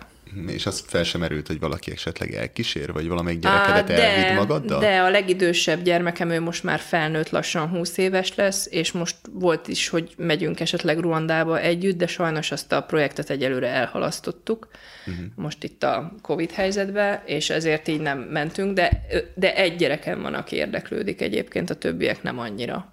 És ezt meg kell kérdezzem, tehát, hogy nem féltékenyek arra, hogy te más tehát említetted, hogy volt a, olyan, hogy az Andréval napi a le, szinten a. A, a legkisebb volt féltékeny, tehát amikor ő olyan tíz éves volt, amikor én először mentem Kongóba, és amikor kérdezte, magyaráztam, és mondta, hogy inkább nem menjek, maradjak otthon. Mondtam, hogy de én szeretnék elmenni, mert képzeld, ott vannak gyerekek, akik, akik nagyon szegények, meg nincsenek szüleik, nekik segítek, tehát próbáltam egy tíz éves gyerek szintjén, és a Peti azt mondta rá, hogy hát ha valakinek segíteni akarsz, én itt vagyok, nekem segíthetsz.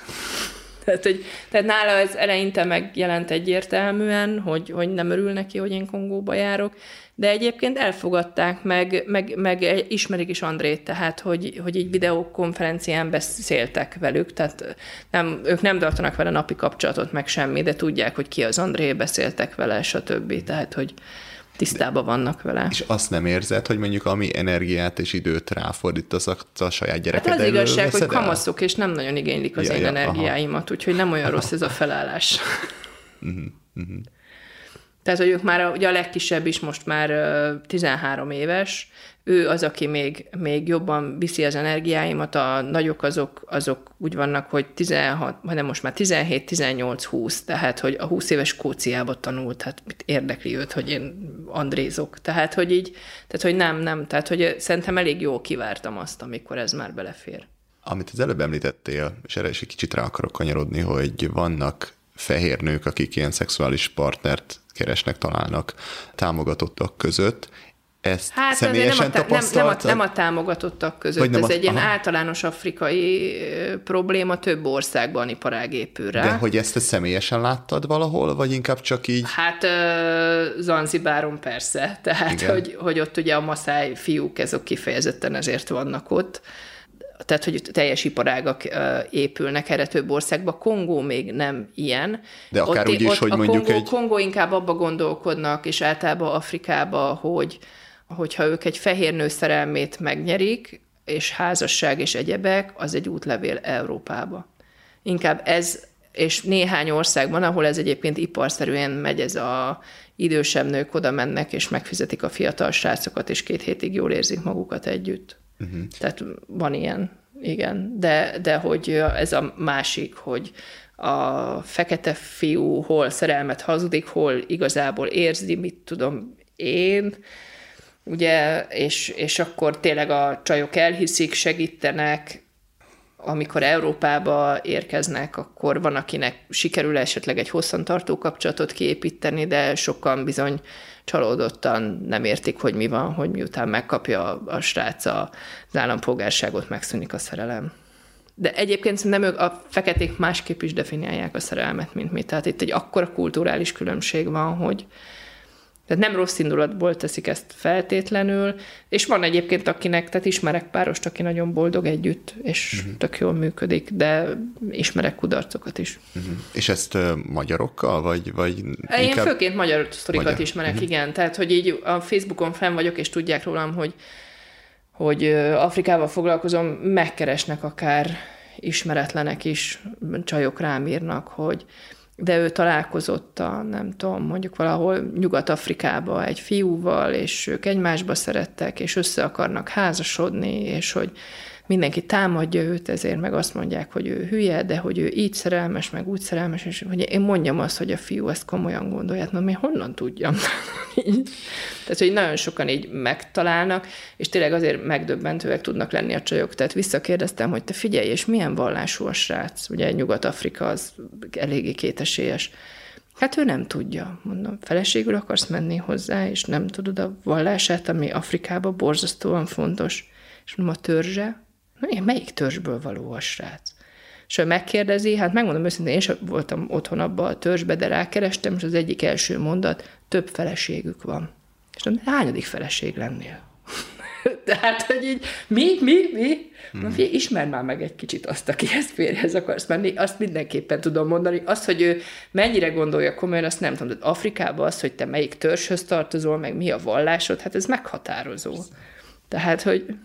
Azért, mert számomra egy kicsit meglepő, hogy vannak még ilyen emberek, akik ezeket elhiszik, ugyanaz, mint ugye jönnek a spemek, hogy a nigériai herceg meghalt, és akkor a, nem ismered ezeket a leveleket, hogy, van, hogy és hogy, hogy ezek is azért működnek, mert hogy még van, aki ezeket elhiszi, és, és belemennek, és nem hibáztatom őket, tehát nem hibáztatok egy kongói fiút, vagy legyen az bármilyen afrikai fiú, aki, aki egyébként eladja kvázi a szerelmét, ha van rá felvevő a másik oldalon, és hát valaki az ezt... nagy úr. Hát persze, tehát hogy ezzel így csak inkább azon vagyok meglepődve, hogy, hogy van, aki ezeket rengeteg, elhiszi. Rengeteg olyan történet is van, hogy, hogy akkor jutnak el hozzánk, amikor már nagyon késő, hogy a, a 60 éves nagyi bedölt a 40 éves nigériai profilképnek és gmail-es accountnak, és a családi örökséget kikölt, kiküldte, és hát ugye abban például megszűnt a Gmail account, a Facebook profil, mert azt tudjuk, hogy Nigéria egyáltalán az igaz-e,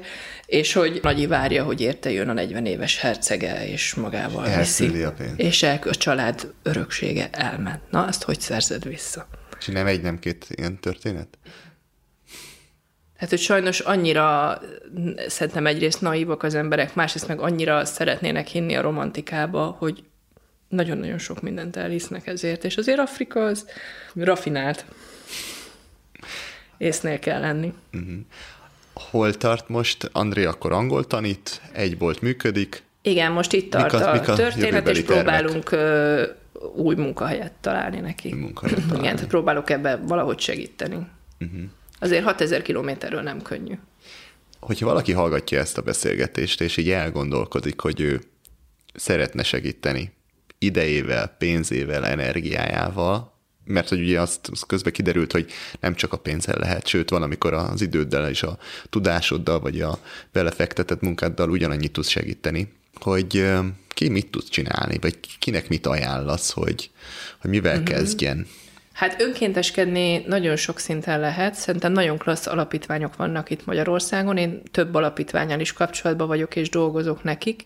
Egyrészt lehet önkénteskedni itthon is. Tehát nem kell, addig, nem kell azért elmenni Afrikáig, hogy valaki segítsen, lehet itteni munkákat is végezni és hogyha szeretnének menni Afrikába, akkor pedig érdemes megkeresni az alapítványokat.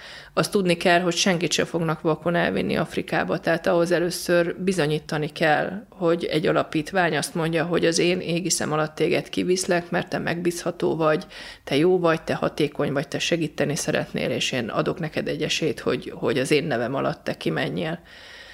Illetve még egy útvonal van, van a Magyar Önkéntes Liga, akik szoktak önkénteseket küldeni, az elmúlt két-három évben volt erre lehetőség.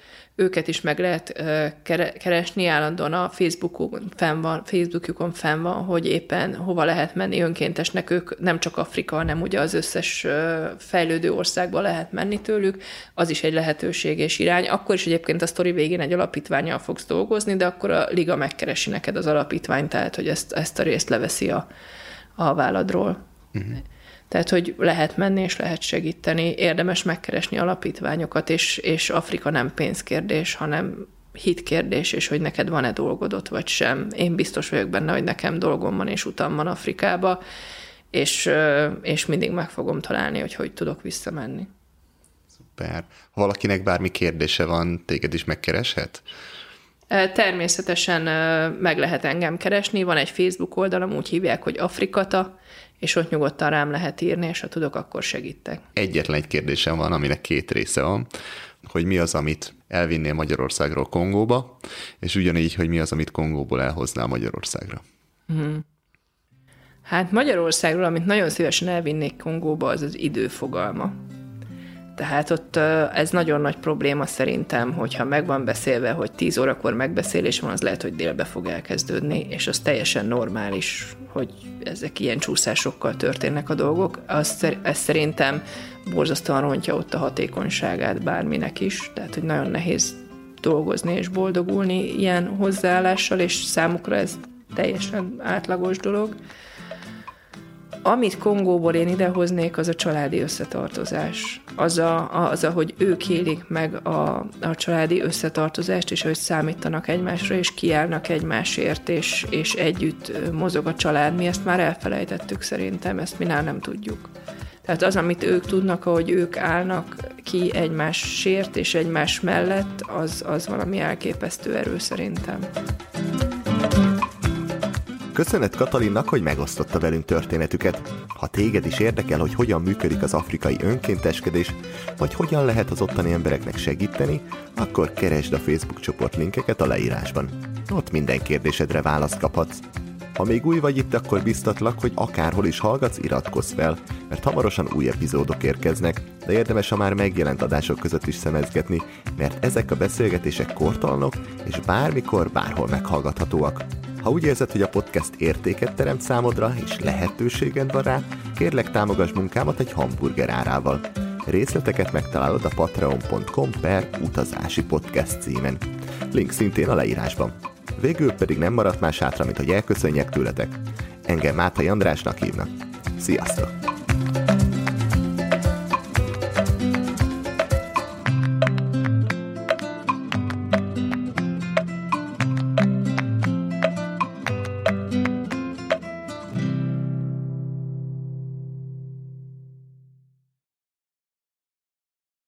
Ha más podcastekre is kíváncsi vagy, hallgassd meg a Béton műsor ajánlóját. El tudod képzelni, hogy a podcastet, amit éppen most hallgattál, fél év múlva már a mesterséges intelligencia generálja? Mi sem. De ha érdekel, eljött már a gépek lázadása. Hallgass bele az Embertelen podcastbe. Orsós Lajos vagyok, a műsor házigazdája. Egyelőre még élőben. Egyelőre. Fedezzük fel együtt, hogyan ismerkedik, randizik, mesél és vitatkozik Betty és Péter, két teljesen mesterséges intelligencia. Lajos, a podcast címét mond még egyszer, Léci. Oké. Okay. Embertelen podcast. Ez a műsor a Béton közösség tagja.